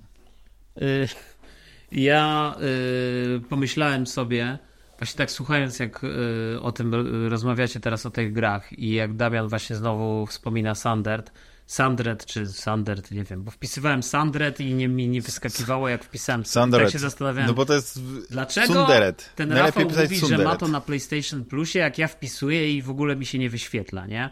No i potem zrozumiałem, że to jest Sanderet chyba się pisze i wpisałem już właściwy tytuł i już pobrałem sobie z telefonu yy, i też zerknę yy, na tą grę. Natomiast ja sobie, wiesz, tak słuchałem tego i tak sobie pomyślałem, czy my mamy jakąś powtórkę z rozrywki, bo już o tym Sandert rozmawialiśmy. Yy, Wydaje mi się, że Damianie o tym wspominałeś. Ja sobie Dlatego przykład... ja powiedziałem, że ja tylko wcinam się na dwie minuty. No okej. Yy, Ja sobie po powiedziałem coś takiego, yy, dzisiaj sobie tak sobie pomyślałem teraz, że ja nie będę w ogóle na podcaście wspominał o grach, w które gram, albo inaczej, o grach, w które gram, to po prostu powiem, że najwyżej w coś gram. Yy, Bo potem po prostu to jest bez sensu, bo to jest jakby robi się dwa podcasty o jednej, wiesz, o jednej grze, gdzie tak naprawdę wydaje mi się, że tam tak słuchałem tego, Damian, co powiedziałeś o tym standard. Nie chcę tutaj jakiś być taki, wiesz, złośliwy, ale tak nie wydaje mi się, żebyś też wiele to wniosło, to wiesz, do, do tego, co ostatnio mówiłeś o tym standard. Ale to taki mój złośliwy komentarz tylko z mojej strony. No ale teraz właśnie już przeszedłem, więc jakby mogę, mogę już No okej. definitywnie zakończyć. Definitywnie powiedzieć, że jest wspaniała gra. Yy, Ja natomiast, słuchajcie, yy, skończyłem, sk- naprawdę też taki był atak yy, spawacza. Skończyłem Final Fantasy XVI, po prostu nawet sprawdziłem, że kupiłem tego finala chyba 2 lutego i 25 czy 6 lutego, nie wiem, który dzisiaj jest. Dzisiaj jest 20, a nie będę mówił, który 26. 25 lutego skończyłem yy, w nocy, nie, 26 w zasadzie, bo to w nocy skończyłem o pierwszej. Yy, tą fabułę. To moglibyśmy sobie przybić piątkę, bo ja skończyłem wtedy Sandret. No okej. Yy, no to piątka, nie? O, to tak. I w każdym razie... W yy, Predatorze. w każdym, to się wytnie.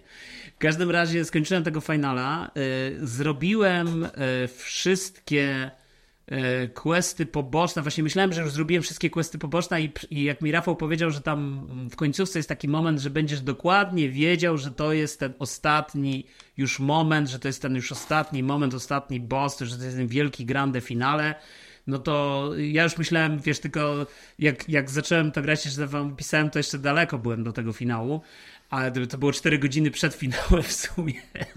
I pamiętam, że Maraton. Już myślałem, że już będzie ten finał, że tu już wszystkie zrobiłem questy poboczne, to się okazało, że jednak y, dosłownie przed tym finałem znowu mapa mi się nasyciła tymi zielonymi znacznikami. Na szczęście niedużo ich już jest i myślę, że to zrobię, bo y, na ten moment pokonałem wszystkich y, opcjonalnych bossów też. Też sobie już zrobiłem to tak, w tak zwanej wolnej chwili.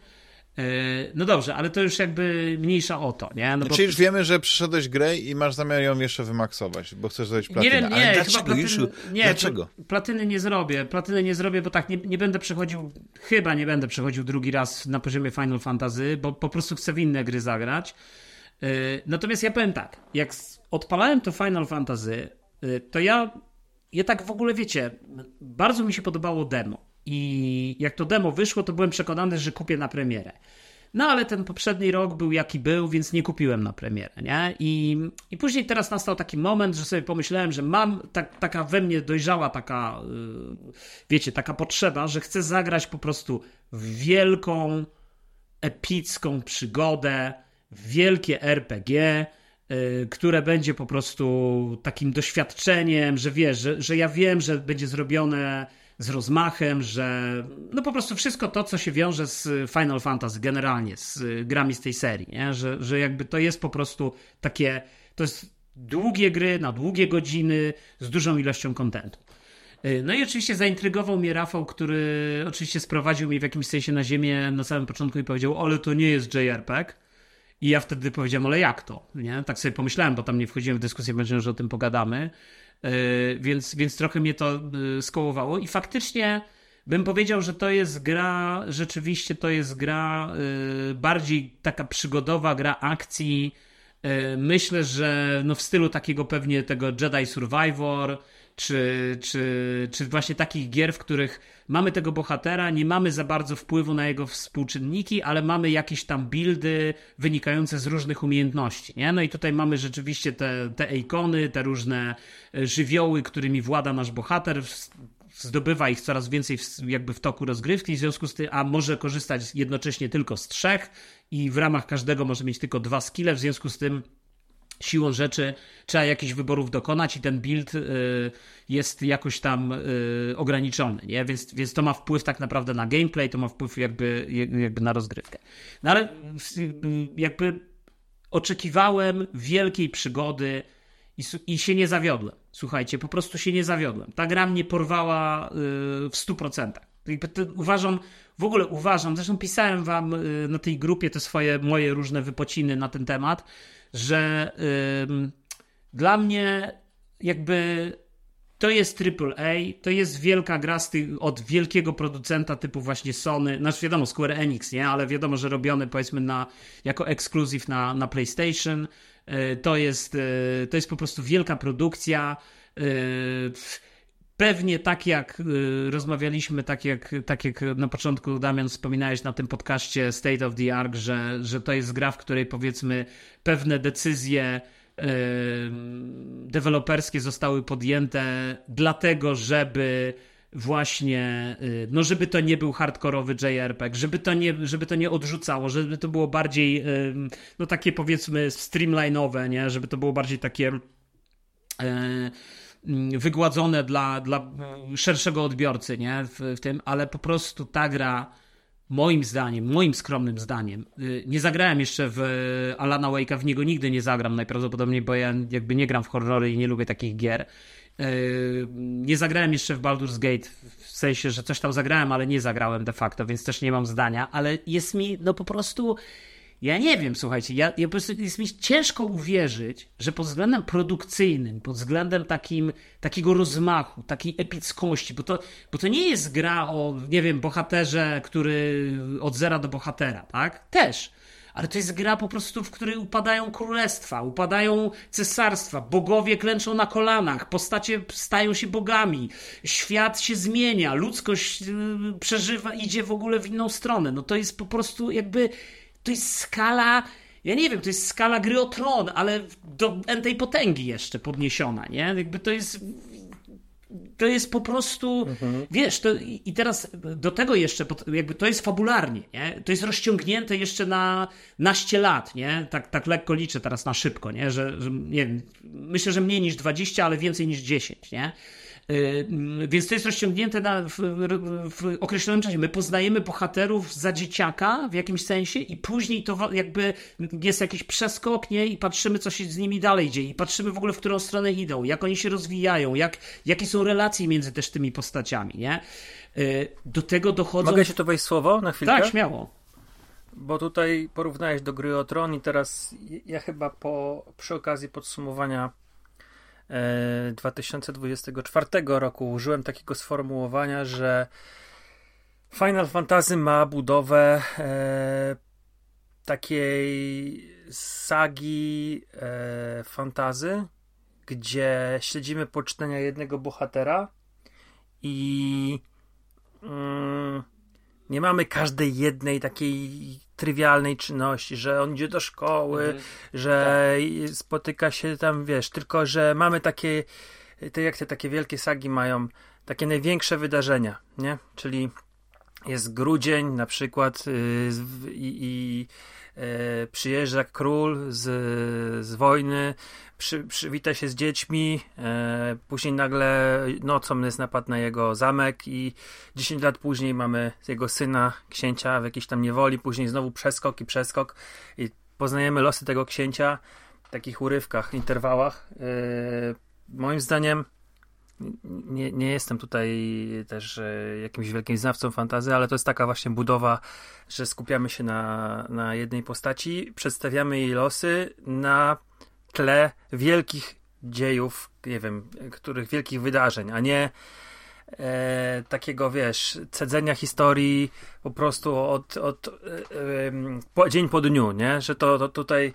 rzeczywiście wydarzenia, które obserwujemy w grze, one mają rozpiętość 20 lat, nie? I nasz bohater towarzyszy nam w tych najważniejszych wydarzeniach. E, my towarzyszymy naszemu tak. bohaterowi w tych najważniejszych tak. wydarzeniach dla tak. królestwa. No ale wiesz, i, i do tego jeszcze dochodzi, yy, dochodzą te cliffhangery jakieś, takie te momenty takiego, wiesz, zwrotów akcji, które następują. No, nie, nie, wiem, na ile możemy spoilować, więc nie, nie, nie będę może przynajmniej na razie spoilował, ale yy, ale te, yy, takie momenty, gdzie, no bo w sumie Damian nie zagrał, to nie będę mu psuł zabawy, ale Y, ale takie momenty, wiesz, że, że, że po prostu ta historia nagle się łapiesz za głowę, wiesz, i tak dalej, nie? Ja, ja pamiętam, że jak o tym rozmawialiśmy, to oczywiście na początku Damian stwierdził też tak, tak troszeczkę tutaj, że prawda, no, że Baldur's Gate, że to są wybory i tak dalej. To jasne, to są dwie, przynajmniej z tego, co ja słyszałem o Baldurze, to są dwie kompletnie różne gry.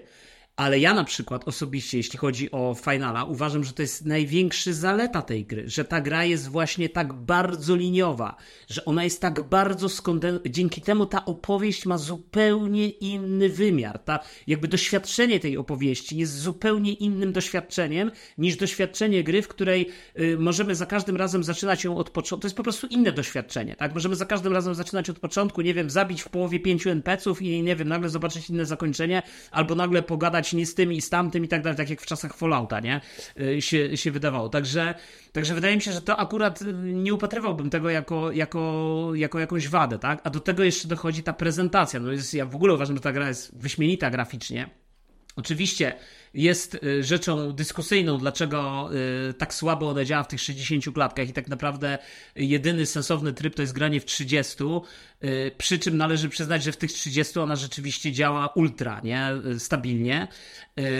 Moim zdaniem wygląda fenomenalnie, a już w ogóle w tych momentach, w których wiesz, dochodzi do tych walk, tych ejkonów, tych ifrytów, tych po prostu półboskich postaci, wiesz, wielkich, no to tam, tam po prostu, nie wiem, skala epickości to jest 15 na 10, no. To jest po prostu, wszelkie skale po prostu mm. pękają, nie? To jakby tam, tam w ogóle nie ma, nie, nikt nie bierze jeńców, nie? To tak jakby, no mówię, no to jest z tych, ja zacząłem grać w Finala 7, nie? Remake teraz, bo, bo, bo też chcę go skończyć, bo chcę zagrać w, w Rebirth w tym roku na pewno. Wygląda też znakomicie jakby ta gra, no ale jakby mam wrażenie, że ten Final 16 to jest jakby takie ukoronowanie, jakby każda kolejna część tego finala, y, którakolwiek by to nie była, no to jest jakby przesuwamy tą granicę, no przesuwamy tą granicę jeszcze wyżej, jeszcze dalej w kwestiach, nie wiem, graficznych, w kwestiach tej właśnie epickości. Ja w ogóle mam też takie wrażenie, słuchajcie, tak, tak sobie też myślałem, że w ogóle to jest takie opus magnum Square Enix, nie, no bo y, Triangle Strategy, tak mi się skojarzyło, to jest taka gra właśnie trochę podobna, jeśli chodzi o ten rozmach fabularny, nie? Czyli mamy znowu te księstwa, nie, nie, nie graliście chyba, nie? W, w Triangle Strategy. W każdym razie tam, tam rzeczywiście jest y, wiele tych wątków takich pobocznych, to też ja, ja kiedyś mówiłem dość dużo o tej grze, to była taka gra, która się tak wolno rozwijała, ale potem jak już nas zaskoczyła, normalnie gra o tron, nie? Tam się rozgrywa, po prostu takie są intrygi i tak dalej. Fenomenalna, bardzo polecam. Tylko właśnie przez fakt, że to jest gra z tą pixel artową grafiką, że to jest gra jednak na tego Switcha, to masz takie wrażenie, znaczy ona wyszła też na pecety, to masz takie wrażenie, jakby nie, nie czujesz tej skali, nie? Jakby, bo, bo wiesz, bo to są te pixelartowe ludziki, które sobie tam łażą te HD, 2D i tak dalej, nie? Więc to wszystko jest epickie, wszystko jest świetne w tej warstwie fabularnej, ale jak obcujesz z tą grą, to masz wrażenie, że to jest po prostu, no, turowa strategia i tak dalej, nie? Od, od dużej, dużej skali fabularnej. A tutaj po prostu graficznie, no wiecie, no to po prostu to, to co się wizualnie dzieje w tej grze, no to jest po prostu jakiś kosmos, no dla mnie przynajmniej, nie?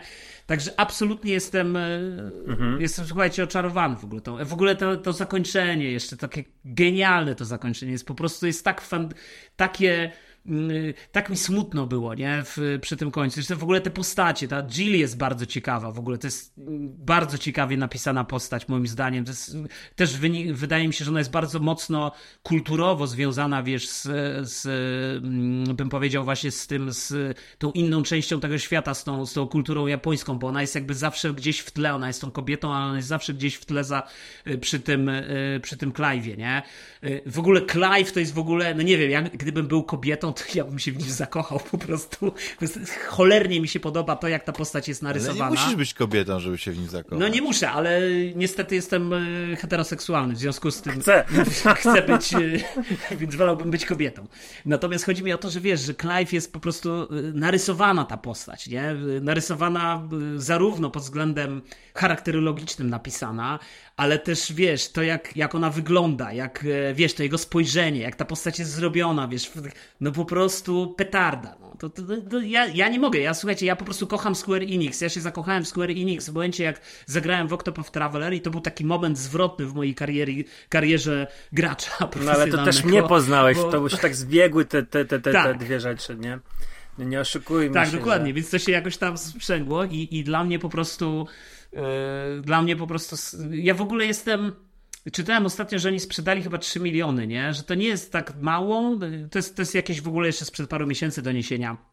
Że to nie jest jakoś mało, ale w sumie też to nie jest jakoś bardzo dużo, nie? Jak na, jak na taki tytuł. I szczerze powiedziawszy, jestem zaskoczony, nie? Zwłaszcza, że jak zobaczyłem Metacritic, to jednak zarówno pod względem recenzenckim, y, jak i właśnie użytkowników ta gra ma bardzo wysokie noty, nie? Tam jest 85 czy 86, coś mhm. takiego, nie? Więc, więc, więc to też pokazuje, że to jest naprawdę, to, to nie jest tylko moje widzimisię Y, to jest naprawdę solidna, y, naprawdę solidna produkcja, która została zrobiona, wiesz, no jakby na, na wysokim poziomie, nie, dowieziona. To ja ci powiem tylko tyle, że to jest, to jest trochę to są dwie, dwa dwa case'y, nie? po pierwsze ta gra chyba nie za bardzo przypadła fanom Final Fantasy do gustu, bo to nie jest e, takie typowe Final Fantasy, gdzie mamy drużynę, gdzie e, jest, są te, po, po, te poboczne aktywności są takie śmieszne, nie? Że wiesz, że ten humor, bo to zawsze jest, są pewne rzeczy przemycane do Final Fantasy gdzie trochę inaczej wygląda i leczenie, i wygląda inaczej, znaczy nie ma magii w zasadzie, tylko są te ataki, nie? Ale y, już piętnastka, y, która była zupełnie inna, y, miała jakieś tam swoje e, oddane grono fanów, ale też e, masa ludzi narzekała, że to już nie jest to Final Fantasy. Później wróciło nam remake'iem w siódemce, remake siódemki, to było to, to było to stare Final Fantasy, materie, tutaj nasze, nasi towarzysze, trzy osoby w oddziale, można było wybierać im ataki, ludzie, ludzie lubią to i to kojarzą z Final Fantasy. Tutaj mamy jednego bohatera, a gameplayowo to jest moim zdaniem Devil May Cry, to jest, to jest, to jest tego typu tylko taki e, prostszy, rozgryw... nie? Taki slasher, nie? Tylko tak, taki prostszy, nie? Tak, ale uważam, że tutaj są takie momenty, że wiesz, że jasne, mamy ataki, które wydają nam się te kombosy, które robimy, czyli nie wiem, tam odpalamy Feniksa, później uderzenie z pięści, e, uderzenie w ziemię i znowu zmieniamy, tak sobie możemy tą, te, te, te, te nasze trzy ikony zmieniać żonglować, co nie znaczy, że to fajnie wygląda, szybko pokonałem przeciwnika, co nie znaczy, że to jest najbardziej efektywne, E, tylko my inaczej nie umiemy, bo ja widziałem rzeczy w internecie, które, które robili z. Tak, tak szczerze, przyznam się. Ja, ja kończyłem grę Shivą, Feniksem i. E, w Feniksie miałem tam pewne umiejętności. No ale powiedz trzeci, bo na razie ja tymi samymi. A trzeci? A trzeci to był e, Titan. No to ja tak samo. To po prostu to, to, jest, to, to było zabójcze Kolejny dowód na to, że ta gra jest w ogóle blok. liniowa. Blok, blok, blok, to jest łatwe. A ja widziałem, co ludzie robią e, z Garudą, co robią z e, Ramuchem. No Ramuch, tak, Damian, właśnie, bo, to, bo, bo, Damian myśli, że ta gra jest liniowa, że są tylko te trzy. Nie, ale tam masz jeszcze chyba, nie wiem, sześć czy pięć kolejnych, nie? Jakby do tego, więc to nie jest tak, tak jest, że... jest Behemoth, jest, tak. jest e, jest Odyn, jest e, właśnie Garuda, która odpowiada za wiatr mhm. i i to, co widziałem, co oni robią, te kombosy, które, które dla mnie to wyglądało absolutnie A w dodatku, który będzie w tym roku, nie ma być jeszcze jeden w ogóle, nie? W tym dodatku mhm. zapowiedzianym na y, jakoś chyba na, nie wiem, wiosnę tego roku. Na wiosnę, to jest, to jest marzec albo kwiecień. Tak, tak. E, mówiłem na początku. Y, ja nie kupiłem jeszcze dodatku Echoes of the Fallen, tego co już Ja jest. też nie, ale- Poczekam ale sobie. Tam jest, I tam jest też, tam, tam, tam są podobno bardzo dobre e, też walki. Jest ta Omega, nie? Mm, tego już tam, już, już kończąc, tak naprawdę e, dla mnie mm, ten gameplay też mógł zniechęcić ludzi, bo ludzie lubią yy, coś prostszego. Wiesz o co chodzi, że, że tutaj yy, to było easy to learn, hard to master, nie? I tak naprawdę wszyscy ludzie, którzy pisali, że system walki jest. Mm, jest skompli- bo tak, bo to się tak. System walki się wydaje prymitywny, a jest bardzo skomplikowany. Ludzie to pisali. Jak czytałem sporo recenzji, to że ten, ta, ta prostota jego wcale nie, nie oznacza, że on jest, on jest y, banalny, nie? że to, to jest tylko jakieś tam. To mogli napisać. Jak chcesz, to przejdziesz tą grę maszując y, trzy ikony na krzyż, no nie? Mogli to napisać, ale oni tam się skupiali na tych bardzo skomplikowanych. I moim zdaniem to to straszyło trochę ludzi. Znaczy, wiesz co? Ta sama myśl, że w ogóle muszą jakieś kombosy wykonywać, że, że tyle opcji do, do, do zrobienia jest. Yy, więc to nie, nie wiem za bardzo. Znaczy, kto, ktoś, kto sięgnął po Final Fantasy i, i się źle bawił, ja, ja rozumiem, z czego to mogło wynikać. Czy to była obojętnie osoba, która była fanem serii i, i po prostu kupiła kolejną, czy to była osoba przypadkowa, która tą grę. Ja to rozumiem ale mm, ona jako, jako sama gra ma rewelacyjny i tutaj nie można powiedzieć, że to jest, to jest zły system. To jest chyba jeden z najlepszych systemów walki, jakie w grach widziałem. Znaczy wiesz, dla mnie, To samo mówiliśmy przy okazji słowa. Sifu na przykład. dla nie? mnie, To w no to- Sifu mówiliśmy, że to jest wiesz co, ja, ja aż tak nie, nie wchodziłem, wiesz, w to, bo dla mnie na pewno pierwsze wrażenie, i tak nie pamiętam, czy to wam pisałem, ale jak, jak nie wiem, pierwsze 5 godzin gry, to miałem, to aż mnie kciuk bolał od maszowania y, kwadrata. Jak jeszcze miałem tylko jeden, wiesz, tego jednego Mhm. ikona, nie? Tak naprawdę. Ym, Natomiast później, jak zacząłem łączyć to w te różne te i, i to, znaczy ja w ogóle uważam, że gameplay walki jest kapitalny, jest tak satysfakcjonujący, jest tak niesamowicie przyjemny, jak się wiesz, już e, opanuje te ikony i łączenie i, i masz jakiś pomysł na to i zaczynasz rozpad... wiesz, wiesz, że aha, dobra, to użyję tego, bo to powiedzmy osłabia ten żółty pasek, e, a potem użyję tego, jak już on jest na kolanach, bo wiem, że jakby tu będzie miał duży damage i potem w trakcie walki też starasz się w odpowiednich momentach to robić. Do tego jeszcze w, przełączasz się w ten tryb taki, wiesz, co on płonie, nie? Jeszcze nie pamiętam, jak to się tam nazywa. I wiesz, Tak. nie mówisz już o tym, jak to wszystko. Słuchaj, jak, ja nie wiem, może to jest kryzys wieku średniego, ale jak to wszystko wygląda, stary. To po prostu to, to wygląda w ogóle. Rozumiesz, to jest. Ja się czuję jak po prostu dziecko w sklepie z zabawkami, z cukierkami, że ja po prostu, że wow, i jeszcze, o kurczę, normalnie, no, no, no po prostu petarda, no. I jeszcze Clive krzyczy cały czas. I on krzyczy, E, Shiva się tam przełącza, wiesz, w tą, tu przy, potem, Garuda. wiesz, tu zamrożenie, to wchodzi, tu gdzieś rozwalasz, wrzucasz, wiesz, ja zaczynam walkę, wciskam guzik i po prostu rozwalam wszystkich wrogów na samym początku, na dzień dobry, nie, no bo w sumie, wiesz, i tak zaczynałem, jakby kończyłem grę, to miałem tam różnicę między tymi niektórymi mopkami, to tam 8 czy, czy 10 poziomów, nie? więc wiesz, więc Ale, ale czekajcie, czekajcie, chciałem się zapytać. My cały czas mówimy o 16, nie o 7. o 16, o 16, O 16. o 16. Okej, i tam jest Clive, Clive. a nie Cloud. Clive. A, no okej. A nie okej, Clive. okej, okej. Tam jest Clive. Tam jest Clive.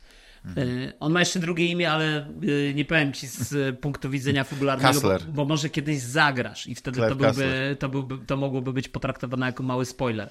Więc, y, no ale, ale wiesz, ale gra y, jakby już tak, tak podsumowując, no, no mnie po prostu oczarował ten final i ja w ogóle, ja, ja w ogóle teraz y, tak sobie pomyślałem, że ja już nie będę się pitolił teraz generalnie i, i po prostu zamierzam skończyć tego Final Fantasy VII Remake i bardzo zachęcam Damiana, żeby zagrał.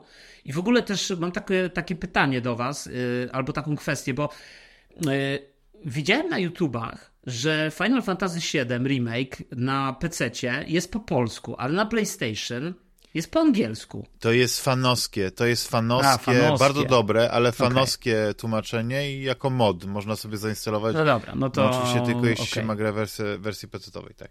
No okej. A y, to zadam ci pytanie, Juszu. No bo y, wiadomo, że nie, nie, nie, nie zawsze, ale czasami zdarza się na przykład twojej małżonce e, e, zerkać, jak grasz. Czy grałeś jak Final Fantasy XVI w taki sposób, że na przykład, nie wiem, twoja żona oglądała tą historię obok ciebie, czy, czy, czy niestety nie? Nie, I, i nie, nie możesz powiedzieć, nie, nie jakby, to było, jakby nie. ktoś, kto się nie interesuje grami, oglądał to jako na przykład serial. Bo też tak się Ale wiesz, ja, ja, ja ci powiem jedną rzecz, bo to też, jest, to, to też o tym rozmawialiśmy y, gdzieś tam, y, no bo wiesz, bo ja, bo ja gdzieś tam y, oczywiście lubię tam polaryzować i się zastanawiać, wiesz, nad tym Baldurem, bo to jest takie wielkie pytanie, na które mam nadzieję poznam w tym roku odpowiedź. Dlaczego ten Baldur's Gate tak został mocno, wiesz, doceniony, gdzie tak naprawdę jak patrzę na te wszystkie znaki, na, na przynajmniej z mojej perspektywy, no to dla mnie to wygląda jak, wiesz, no, ja pamiętam Baldur's Gate, no to nawet jeżeli ja bym dzisiaj grę dostał taką jak Baldur's Gate, to dziękuję, wiesz, to, to fajnie się gra, super, że mogę sobie stworzyć postać i rzucać kostkami 50 razy, żeby sobie wyrolować tam różne rzeczy, no wszystko świetnie, ale, ale wiesz, ale gdzie tu jest ten gdzie tu jest ten króliczek, nie? Gdzie tu jest ten, y, gdzie tu jest ta odpowiedź? Tu musisz odpowiedzi, to ci powiedziałem też, ale to tak powtórzę, że odpowiedzi musisz szukać nie w tym, że to jest Baldur's Gate, tylko to jest rozwinięcie tego, co Larian Studio już e, w No rozumiem, Divinity Sin, ale to dla mnie Divinity, wiesz, to... Czyli wiesz, nie tylko e, generalnie to, co możesz robić, jeśli rozumiem. chodzi o, o postacie, tylko też fizyka w tej grze, możliwości, które daje ci na przykład to, że no nie wiem, no możesz na przykład sobie, masz pokonać iluś tam, tam osób, a możesz to zrobić tak, że po prostu zanim e, wpadniesz na ten złowieszczy plan, to porozstawiasz beczki w taki sposób, że jak później tą jedną beczkę odpalisz, to, to, to zrobisz taka zasadka. No nie, no to jest no nie, no to rozumiem, tylko wiesz, tylko dla mnie, tylko jak to opisujesz dla mnie, to to przepraszam, ale to tak jak wiesz, to tak samo jak ja się odbiłem swego czasu od, myślę, że się odbiłem, bo, bo, bo przestałem grać w Zeldę, dla mnie to nie brzmi jak dobra zabawa. Dla mnie to brzmi jak po prostu jakaś mordęga w grze. Ja... No bo te, ale tego nie musisz robić. No wiesz, rozumiem, chodzi, no, ja w ogóle okay, tego no nie robiłem. To, Tylko chodzi mi o to, że rozumiem. to jest, chodzi o to, że, że fizyka w tej, w tej, że wiesz, że na przykład yy, walki nie tylko, wiesz, walki nie są płaskie, że one nie polegają tylko i wyłącznie na rzucaniu kości, że tam jest też te, y, taktyka wynikająca z, z, tego, jak wykorzystasz na przykład, nie takie umiejętności proste jak Wiesz, bo dla mnie, kogoś, bo dla mnie tam jakby problemem tych naszych dyskusji jest to, że albo tak jak ja z Rafałem graliśmy w Finala, a nie graliśmy w Baldura, albo tak jak ty grałeś w Baldura, a nie grałeś w Finala. Y, I... No nie, no to ja ci nie, ja nie, ja nie szczerze, mówię na przykład, że ty co powiedziałeś, wiesz, nie, nie, że, się dziwię, co, co tam jest w 16. Tylko I, się, i wiesz, i się zastanawiam, i, i, ja się zastanawiam po prostu tak naprawdę yy, nad tym, Y, ja bym chciał poznać opinię. Może wśród naszych słuchaczy są y, gracze, wiesz, którzy grali w obie te gry i na przykład y, są w stanie odpowiedzieć na pytanie, bo wiesz, bo jakby. Znaczy, tylko, ja uważam, ja bym chciał poznać takie opinie, wiesz. Ja dwie tak... inne, ale epickie gry. Ja bym chciał poznać, wiesz, taką. No, pewnie tak, bo wiesz, bo na przykład jak rozmawialiśmy o finalu i te też yy, tam żeśmy rozmawiali, tak, ja się zgadzam, wiesz, pod wieloma względami w, w tych, zwłaszcza kwestiach, tych zadaniach pobocznych, yy, postacie, yy, wiesz, nie ma jakiejś zaawansowanej mimiki twarzy i tak dalej, ale z drugiej strony jakby sposób oświetlenia tego świata i sposób prezentacji tego świata jest taki bardzo realistyczny. Y, taki, przynajmniej tak jak jakby oni idą w tę stronę, nie? Momentami to wygląda jak takie oczywiście, no to jest wszystko high fantasy, nie? Ale to wygląda jak takie średniowiecze, wiesz, te ruiny zamków wyglądają po prostu obłędnie momentami. Te twierdze są monumentalne, one się unoszą, wiesz. Wrzucałem ci takie screeny, jak tam... Że to ja ci tylko powiem tak, żeby nie przedłużać tego i żeby nie było, że ja tutaj próbuję na siłę bronić Baldur's Gate. Chodzi mi o to, że w Baldur's Gate to, ja co ty to jest wycinek... Nie, nie, ja nie mówię, że e, atakujesz. Ja się w, ogóle nie że... odnoszę do Baldura teraz, ja mówię po prostu ale... bardziej o, o finalu. No ja wiem, ale chodzi mi o to, że y, mówisz tak o finalu, jakby tych rzeczy nie było w Baldur's Gate 3, tylko że Baldur's Gate było nie, to, jest już twój odbiór. I, i to, no to ja tylko mówię, że dopełniam ten, y, to, tą wypowiedź o to, że naprawdę jak e, w pewnym momencie wkręcisz się w Baldur's Gate 3, to nie o to chodzi, że tam mechanika, bo mechanika to jest jedna rzecz, ale te fabularne elementy, które cię tutaj ekscytują w tym, wiesz, te, te y, związki z postaciami, ta epickość, y, potężne bitwy, historie niesamowite, to wszystko w Baldurze 3 jest.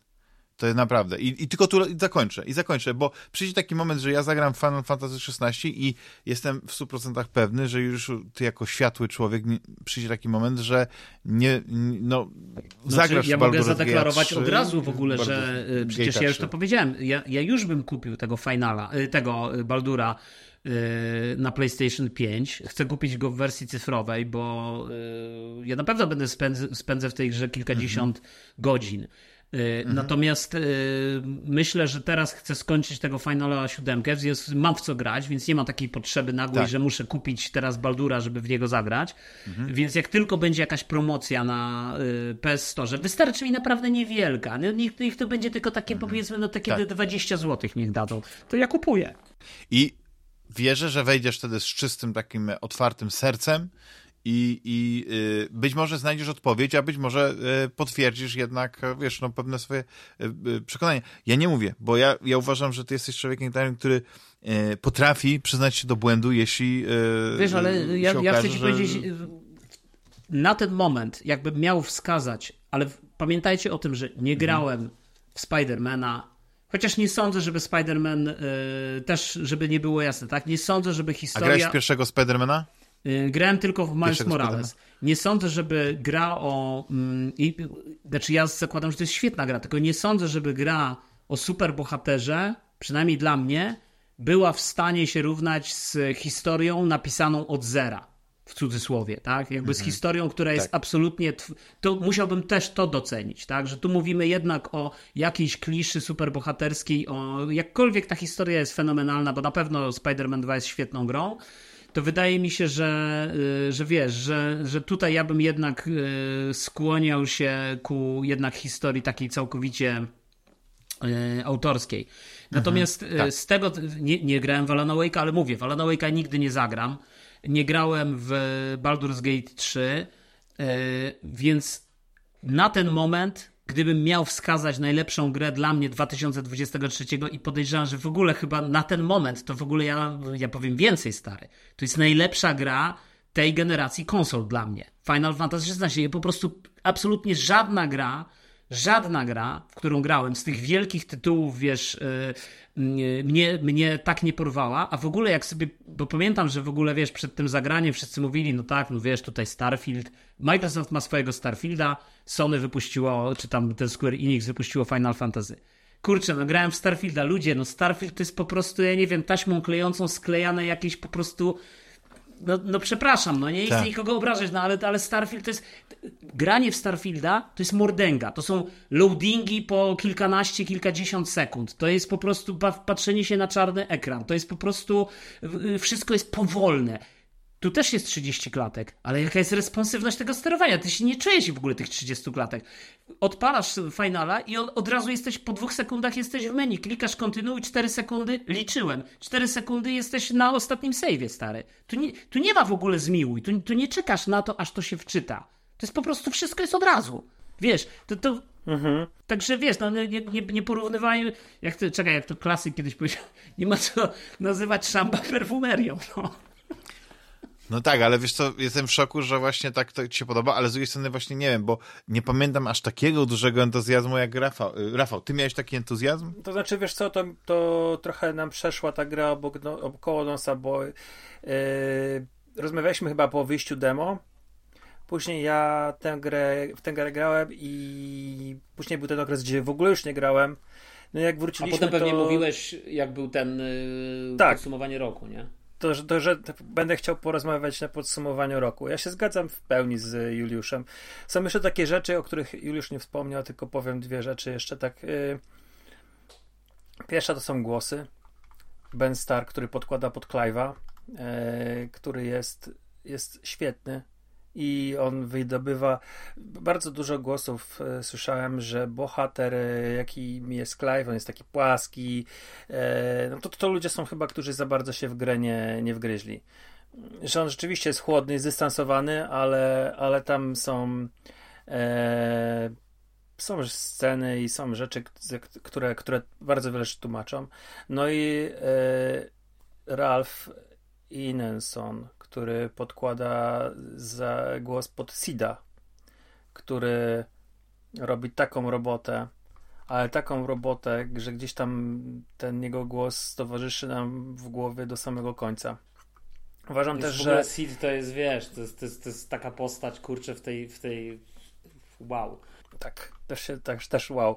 E, bardzo, bardzo, zresztą każdy, może poza Jill, czyli Mhm. mm, poza Jill jest, i, i, bo Jill jest bardzo mocno, tak jak właśnie mówisz, Wycofaną. wycofaną Mhm. postacią i ona zazwyczaj te kobiece postaci, jak sobie przypomnimy tam, nie wiem, Gareth, Dagger z dziewiątki, czy e, gdzieś tam Tife, czy Aeris, e, takie trochę bardziej przebojowe są, wiesz, mają takie jakieś sceny. Jill, Jill nie ma. Jill jest e, towarzyszką, towarzyszką oddaną, wierną, e, potrafiącą postawić pewne rzeczy na, mm, na szali, swoje życie na przykład, ale jest 100% poważna. Tutaj nie ma wątku w ogóle, w w tym wątku miłosnym nie ma w ogóle żadnej komedii. Tam nie ma tam nie ma jakiejś tam, wiesz, y, głupiego niedopowiedzenia, czy coś, czy jakiś taki komediomyłek, że to jakiś liścik, czy... Nie, nie ma tego. Tutaj, tutaj jest e, w, ty, w tym uczuciu, które trwa tam 20 lat, od dzieciństwa, gdzie są blisko siebie i, i właściwie do samego końca są blisko siebie. E, to, to, to jest taka, taka po prostu e, poprowadzona bardzo zwyczajna opowieść o, o uczuciu dwojga ludzi. Bez jakichś takich głup. E, No bardzo pewno. mi się Ale podobało. to jest właśnie na taka przykład, dojrzałość, wiesz, wydaje mi się, tej, tej całej opowieści. Tak, że- Wiesz, taka... mhm. Bardzo podobała mi się na przykład Benedykta. E, jej postać, która naprawdę kończy jak kończy, ale em, ale zastanawiałem się nad tym, nie? Nad tym wszystkim, bo mm, mamy tutaj takie y, bo Final Fantasy 16 nie jest grą, którą można na jednym poziomie, możemy sobie rozpatrywać na takim poziomie e, fabularnym i, i, tutaj jest taka zaleta tej gry, że nieważne, że nie grałeś tydzień, wchodzisz do gry i możesz sobie przypomnieć, idziesz do kryjówki, jest kobitka ze stołem, siadasz i sobie przypominasz, jakie były kroki po kolei twoje. Nie musisz żadnego journala otwierać i czytać za zadaniach. Nie. O, masz mapę i jakie były poczynania twoje jako w, tw- w twojej kryjówce jest, jakie były poczynania i oglądasz każdą misję po kolei, gdzie się wojska przesunęły, gdzie ty poszedłeś, co, dlaczego tak było. To wszystko jest tłumaczone. E, a druga rzecz, że w każdym momencie sceny robisz pauzę i tak jak e, ma to Prime, że masz tą, tą taki nie wiem jak się na Prime to, to nazywa X-Ray chyba, że masz wydarzenia, miejscówkę i postaci opisane w danej scenie i sobie nakierowujesz, No bo nie super. pamiętasz, bo gościu był na przykład 20 godzin temu i, i ty mówisz, Mhm. kurde, kto to jest? Ja Tak. grałem, ty miałeś akurat krótki, krótki okres czasu, 3 tygodnie. Ale jak grało się, ktoś, ktoś, ktoś na przykład sobie wyobrażam, że ludzie grali dłużej, nie? Na przykład, no nie wiem, dwa miesiące. I po, po jakiś, ktoś wracać i po, po iluś tam godzinach. E, gdzie wcześniej był, widzisz, na jedną scenę nawet. No, I wiesz, możesz sobie to podświetlić i widzisz na przykład, że aha, to jest towarzyszka Joshua, która i, i, i później wiesz, e, nie wiem, tam zakon mm, tych, tych takich e, poszukiwaczy mądrości, a, których się gdzieś tam bardziej z tyłu w e, dodatkowych zadaniach po, pojawia niż w głównej fabule. Mm, gdzie ja miałem jakąś tam przerwę i wróciłem i nie wiedziałem w ogóle, co to są za ludzie. I, i gdyby nie gdyby nie ta, ta rzecz, ta banalna rzecz, że przytrzymujesz touchpada i masz, masz opis tych wszystkich rzeczy, mm, to ja sobie wyobrażam, żebym albo szukał gdzieś po Wikipediach, albo bym pominął to, nie? Nie, nie interesowałoby To mnie, jest- co, co to się nagle... To jest w ogóle, wiesz co, to jest, e, to jest świetne, że też, też dobrze y, jakby o tym przypomniałeś, bo ja też miałem parę momentów takich, że yy, nie wiem, coś mi umknęło, jakaś postać, nie? Albo niektóre te postacie są też do siebie momentami podobne, nie? Zwłaszcza te w bocznym planie i albo mi się przynajmniej wydawały dość podobne i tak zgubiłem jakieś w którymś momencie, tak nie, nie do końca byłem pewien, kim jest ta, ta postać i wtedy sobie klikasz, ale to też jest właśnie... Szczególnie z Dalmeki, bo, tak. bo w Dalmeki mają newsy, że podobne stroje to... Tak, ale, ale wiesz, ale też jest ciekawe to, że, że to nie jest właśnie podane w formie takiej, yy, nie wiem, yy, encyklopedii w grze, w, którą musisz czytać i, i wiesz, że tam masz tony informacji, tylko to są takie właśnie idealnie naciskasz naciskasz guzik i tak naprawdę masz dwie, trzy takie okienka, w których masz wszystko wyjaśnione i po prostu jeden mhm. czy dwa akapity i dziękuję, nie? I jakby, a, dobra, okej, okay, dobra, to już pamiętam, nie? Bo już sobie przypominasz, że aha, dobra, bo to chodzi o tego gościa, który wcześniej tam robił to i tamto i nagle ci się otwierają te y, furtki w głowie. Ale jedną rzecz chciałem powiedzieć, bo jedna rzecz mi się w sumie nie podobała. Ale to jest jedna rzecz, tak o. naprawdę. Tylko nie wiem, czy to jest, czy mhm. to wynika E, czy to wynika z tego, znaczy to wynika pewnie z gry, bo, bo w sumie w angielskiej wersji też e, gdzieś to jest. Jakby nie podoba mi się w tej grze sposób przeklinania. Wydaje mi się, że yy, wydało mi się taki bardzo E, wiesz, e, tylko właśnie nie wiem, czy to, czy, czy to nie jest naleciałość z tej z tłumaczenia polskiego. To tłumaczenie po prostu momentami polskie było tragiczne moim zdaniem, wiesz, i, i, i, i te niektóre jakby przekleństwa takie, wiesz, wynikające z tej postaci, mi brakowało takiego no dobra, no okej, okay, ale to jest takie rzucanie tym fakiem trochę bez sensu, nie? I, i, i to jest jedyna rzecz, taki, taka jedyna, powiedziałbym, taka minimalna ryska, którą bym, którą bym mhm. zauważył, która mi się do, y, jakby do końca, y, co do której nie jestem przekonany. Czy faktycznie te, te wiesz, te faki były w niektórych, y, niektórych, nie wszystkich oczywiście, nie, nie, nie zawsze, ale w niektórych po prostu dialogach one były takie nie do końca dla mnie uzasadnione, nie? No bo ja generalnie jeśli chodzi o przeklinanie, to mam takie podejście, że jeżeli gdzieś sytuacja e, humorystyczno-społeczna e, tego wymaga, to ona jest jak najbardziej uzasadniona, aczkolwiek generalnie raczej e, bym unikał, nie? raczej bym nie przeklinał, natomiast no, czasem są sformułowania, które są, wiesz, które, które można gdzieś tam uzasadnić, są jakieś takie wybory, wybory powiedziałbym, twórcze, nie? więc to, to, to, to jest jedyna, jedyna taka rzecz, która to ja jeszcze mam takie dwie rzeczy, które już tak chyba na, na domknięcie yy, powiem tego tematu. Dwa moje spostrzeżenia. Jednym się dzieliłem na, na Xie czy tam Twitterze. Yy, nawet gdzieś tam chyba nagrałem fragment tego, bo to dwa razy usłyszałem. Yy, miałem takie wrażenie, że Jill mówi po polsku w pewnym momencie, że jej język, mm, nie wiem, czy ten, bo ona ma nazwisko, które nie wskazuje na, na pochodzenie słowiańskie, Warwick, e, ale jak kończy walkę, to mówiła, no, ze 100 razy to przesłuchałem, mówiła frazę po polsku, teraz e, skończone chyba mówi.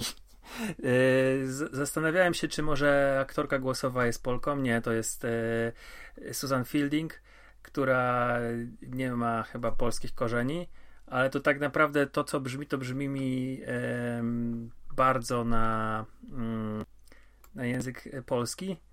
E, to po pierwsze takie moje spostrzeżenie. Może ktoś, ktoś to wyłapał, może ktoś to. Bo, bo co ciekawe, wiele lokacji, czy mimo że, że graliśmy po angielsku y, z polską wersją, to wiele lokacji ma takie jakieś polskie, a właściwie nie słowiańskie naleciałości. Zauważyłeś to? Nie, nie, to, to jestem zaskoczony, nie, nie.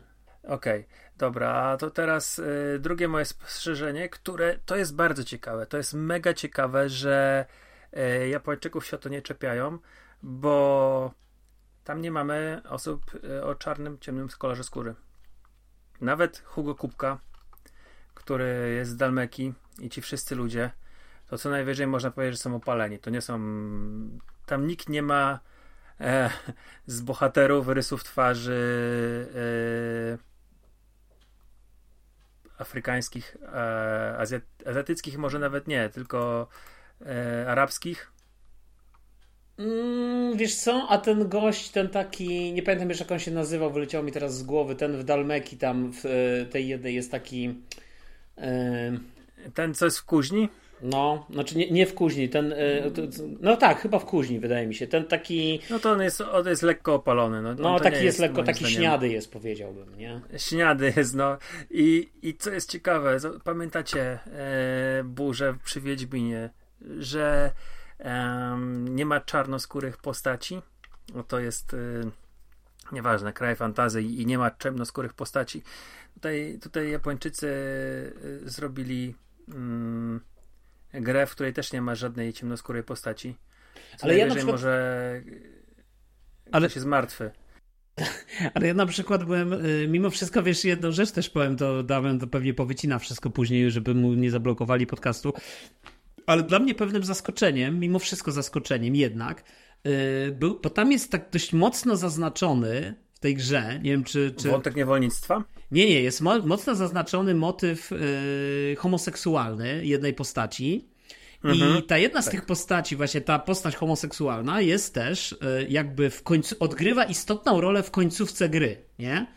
Mhm. W, i, I to było dla mnie takie dość, powiedziałbym, zaskakujące w tym sensie, że wiesz, y, konserwatywni Japończycy, tak, ja ich tak postrzegam, jako takich, wiadomo, że oczywiście nowoczesne y, technologie i tak dalej, ale jednak w dużej mierze społeczeństwo raczej takie, gdzie wiesz, ta nowa technologia gdzieś tam miesza się z y, takim bardzo konserwatywnym podejściem.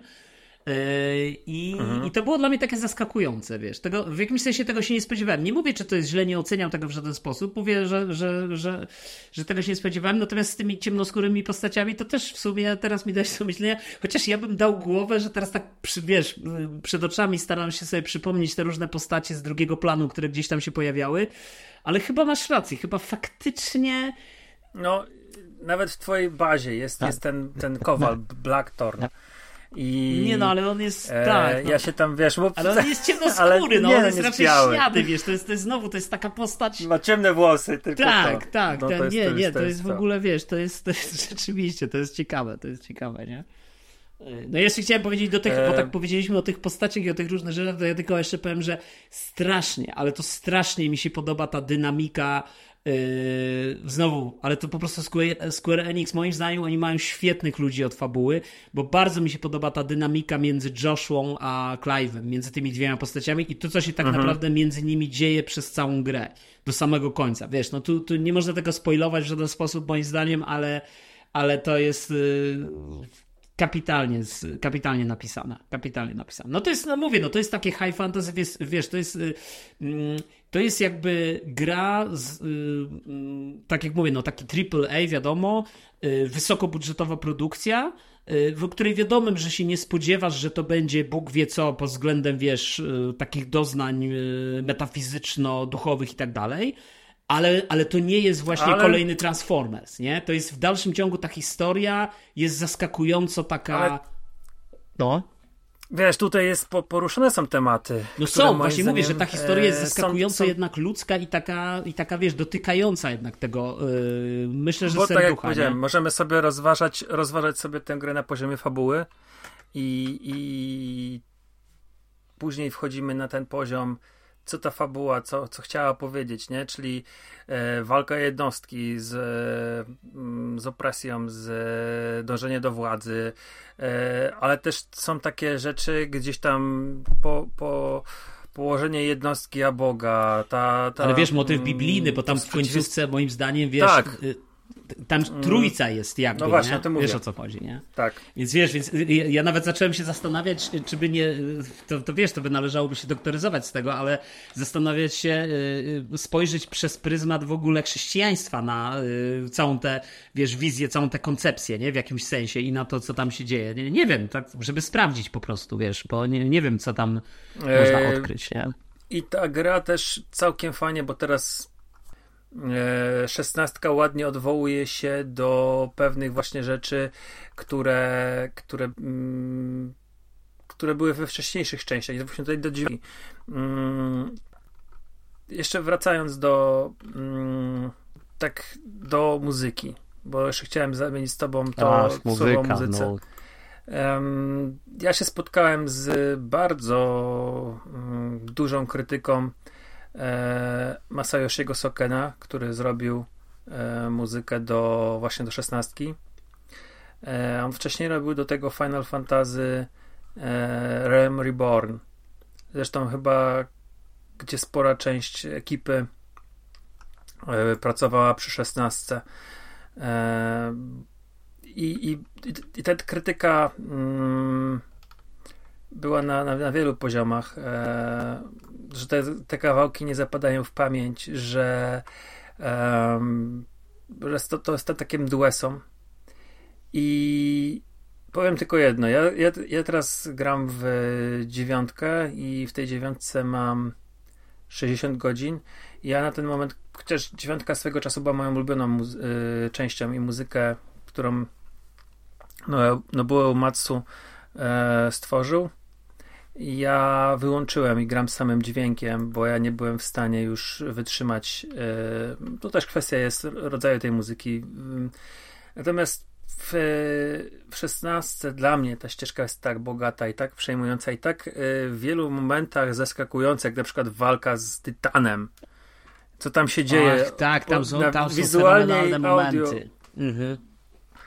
To, to, to jest, jest po prostu dla mnie szesnastka ma mega muzyka i, ja nie jestem w stanie nawet tego jakoś tam sposób bronić y, wśród osób, które w tę grę nie mając gry, żeby, którą mógłbym pokazywać. Nie, ale muzyka, wiesz, bo to, to, to dotknąłeś bardzo ciekawego, y, bardzo ciekawego punktu, wiesz, y, o tej muzyce w, w samej walce, bo ona bardzo często stanowi taki istotny kontrapunkt do tego, co się dzieje. Ona jakby, to nie jest tylko i wyłącznie muzyka ilustracyjna. Ona jakby tworzy dla tej mhm. walki jakby całą nową zupełnie narrację, jakby, y, wiesz, polemizuje, dyskutuje, rozmawia z tym, co się dzieje na ekranie. Jakby to, to, to, jest, to jest niesamowicie komplementarne po prostu, wiesz, w jakiś mhm. sposób.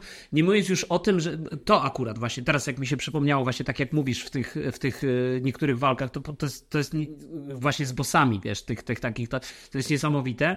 Natomiast generalnie co do muzyki, to znaczy nie wiem, słuchaj, dla mnie ten motyw w ogóle przewodni tego finala, który się najczęściej tam pojawia, za każdym razem stare mi się gęba cieszyła, jak głupiemu w tych walkach, jak to się pojawiało, ja już miałem ciarki na plecach, już widziałem, że zaraz się rozpocznie ten taniec, wiesz, z batonami i po prostu mm z tymi ikonami. No po prostu to, to, to tworzyło no, nie, no niesamowity feeling, no nies, nie, nie, niesamowite wrażenie. Muzyka jest absolutnie top, ale w ogóle wiesz, szczerze powiedziawszy, jak przypomnę sobie gry Square Enix w ostatnim czasie, to nie, to nie było gry słabej muzycznie. Akurat jeśli chodzi o Square Enix, praktycznie w każdej, wiesz, Octopath Traveler, y, Triangle Strategy, w każdej z tych gier, y, Live Alive, w każdej z tych gier muzyka po prostu była znakomita, wiesz, jakby ona, to, to w ogóle to jest jakby ta ponadprzeciętna, tak, w stosunku do wielu innych gier, gdzie muzyka jest po prostu tylko i wyłącznie takim tam brzdękaniem w tle, nie? żeby tutaj wiadomo, no teraz robimy trochę smutniejszą, bo tam płacze, tutaj robimy wesołą, bo się cieszy, wiesz, i to mniej więcej tyle, nie? Hmm. Zgadzam się, bo ja jestem w ogóle fanem e, japońskich kompozytorów i uważam, że e, robią czy to, to muzykę do do anime, czy to muzykę do swoich filmów, czy to właśnie do gier robią na bardzo wysokim poziomie, ale wiesz co, no ja z, tych, tych, ty więcej na pewno grałeś yy, w gry Squaresoftu niż ja, więc yy, nie podejmę rękawicy, bo, bo, bo nie wiem.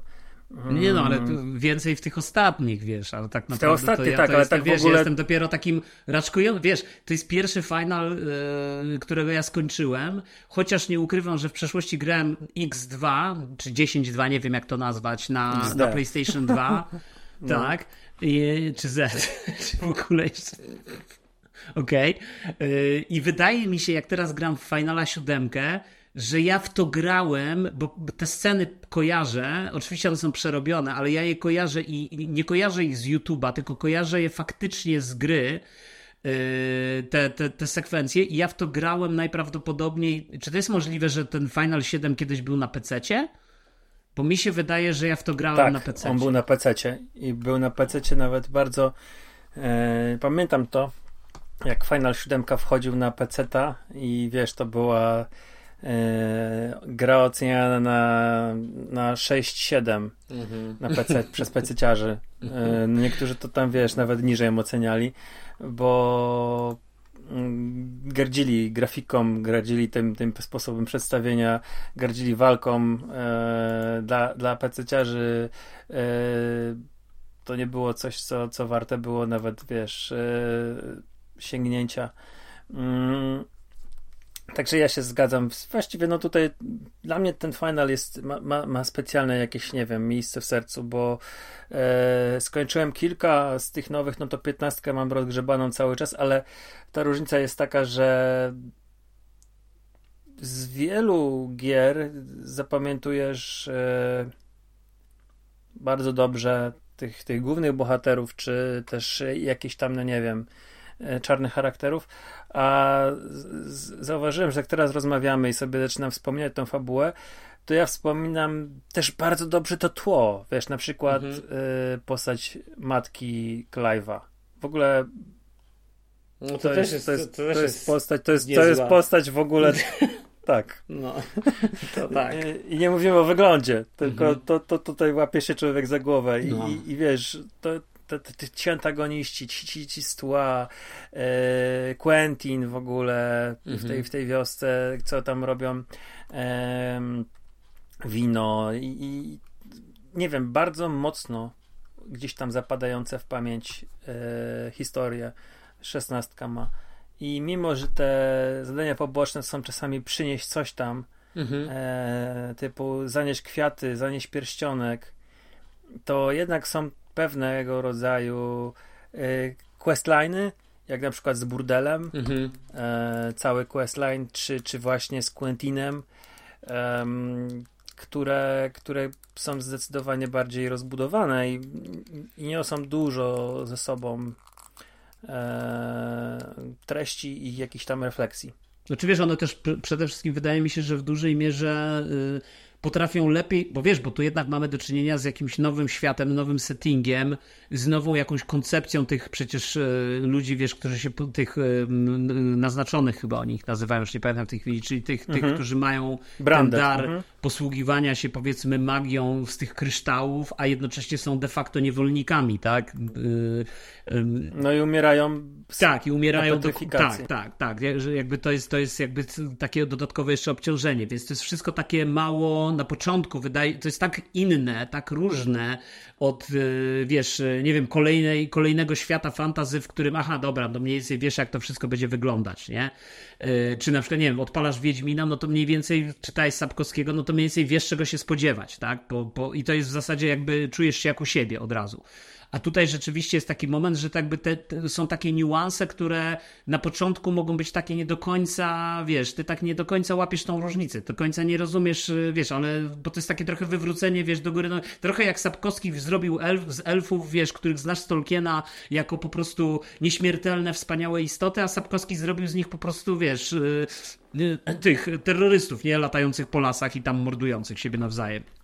Więc wiesz, więc jakby mhm. y, i, i to też jest takie trochę odwrócenie, wiesz, y, tutaj ta magia, nie, która zawsze jest y, troszeczkę inaczej ukazywana, troszeczkę inaczej to wszystko jakby jest, jest pokazywane w tej grach, więc, więc wydaje mi się, że wiesz, że yy, tak, no, jakby te, te, te questy poboczne też pozwalają ci też lepiej się wgryźć, nie, w te światy. Ja tylko na koniec już yy, z mojej strony tylko powiem, że ja po prostu naprawdę tak z jednej strony się cieszę, że oczywiście, no wiesz, y, mogę sobie plusik postawić, krzyżyk, kolejna gra, piąta gra, którą skończyłem w tym roku, a z drugiej strony jest mi tak w sumie jakoś tak smutno, nie? że już to się skończyło, że ta, że, że, że wiesz, że oczywiście wiem, że to teraz jeszcze zrobię pewnie te questy poboczne, sobie tam jeszcze pobiegam po tym świecie, być może jeszcze wrócę właśnie z, z tymi dodatkami, ale takie wiesz, już jakby ta już wiem, jak się ta historia skończyła, nie? Bo te dodatki oczywiście one gdzieś tam wrzucą jakąś, jakąś dodatkową warstwę, yy, powiedzmy, yy, tego, co się ewentualnie w tym świecie wydarzyło, co się zadziało wcześniej, lub, yy, lub powiedzmy, dorzuci swoją kolejną cegiełkę, wiesz, do, do tego świata, no ale jakby zakończenia już raczej nie zmieni, nie? Nie, nie sądzę. To, to, to już jakby wiemy, jak ta historia się skończyła. I to, i to zakończenie jest takie no myślę, że wiesz, że to, to się pamięta. No. To, dla mnie to jest po prostu, wiesz, to jest e, kurczę. Ach, świetne, świetne doświadczenie. Świetne doświadczenie. Zgadzam się. Final Fantasy 16. To co panowie, no dziękuję bardzo za y, kolejny podcast. No kończymy y, trochę wcześniej, w sensie wcześniej niż normalnie byśmy kończyli, ale Mhm. y, y, te wszystkie gry, które jeszcze y, graliście i skończyliście, no to po prostu zostawimy na następny odcinek.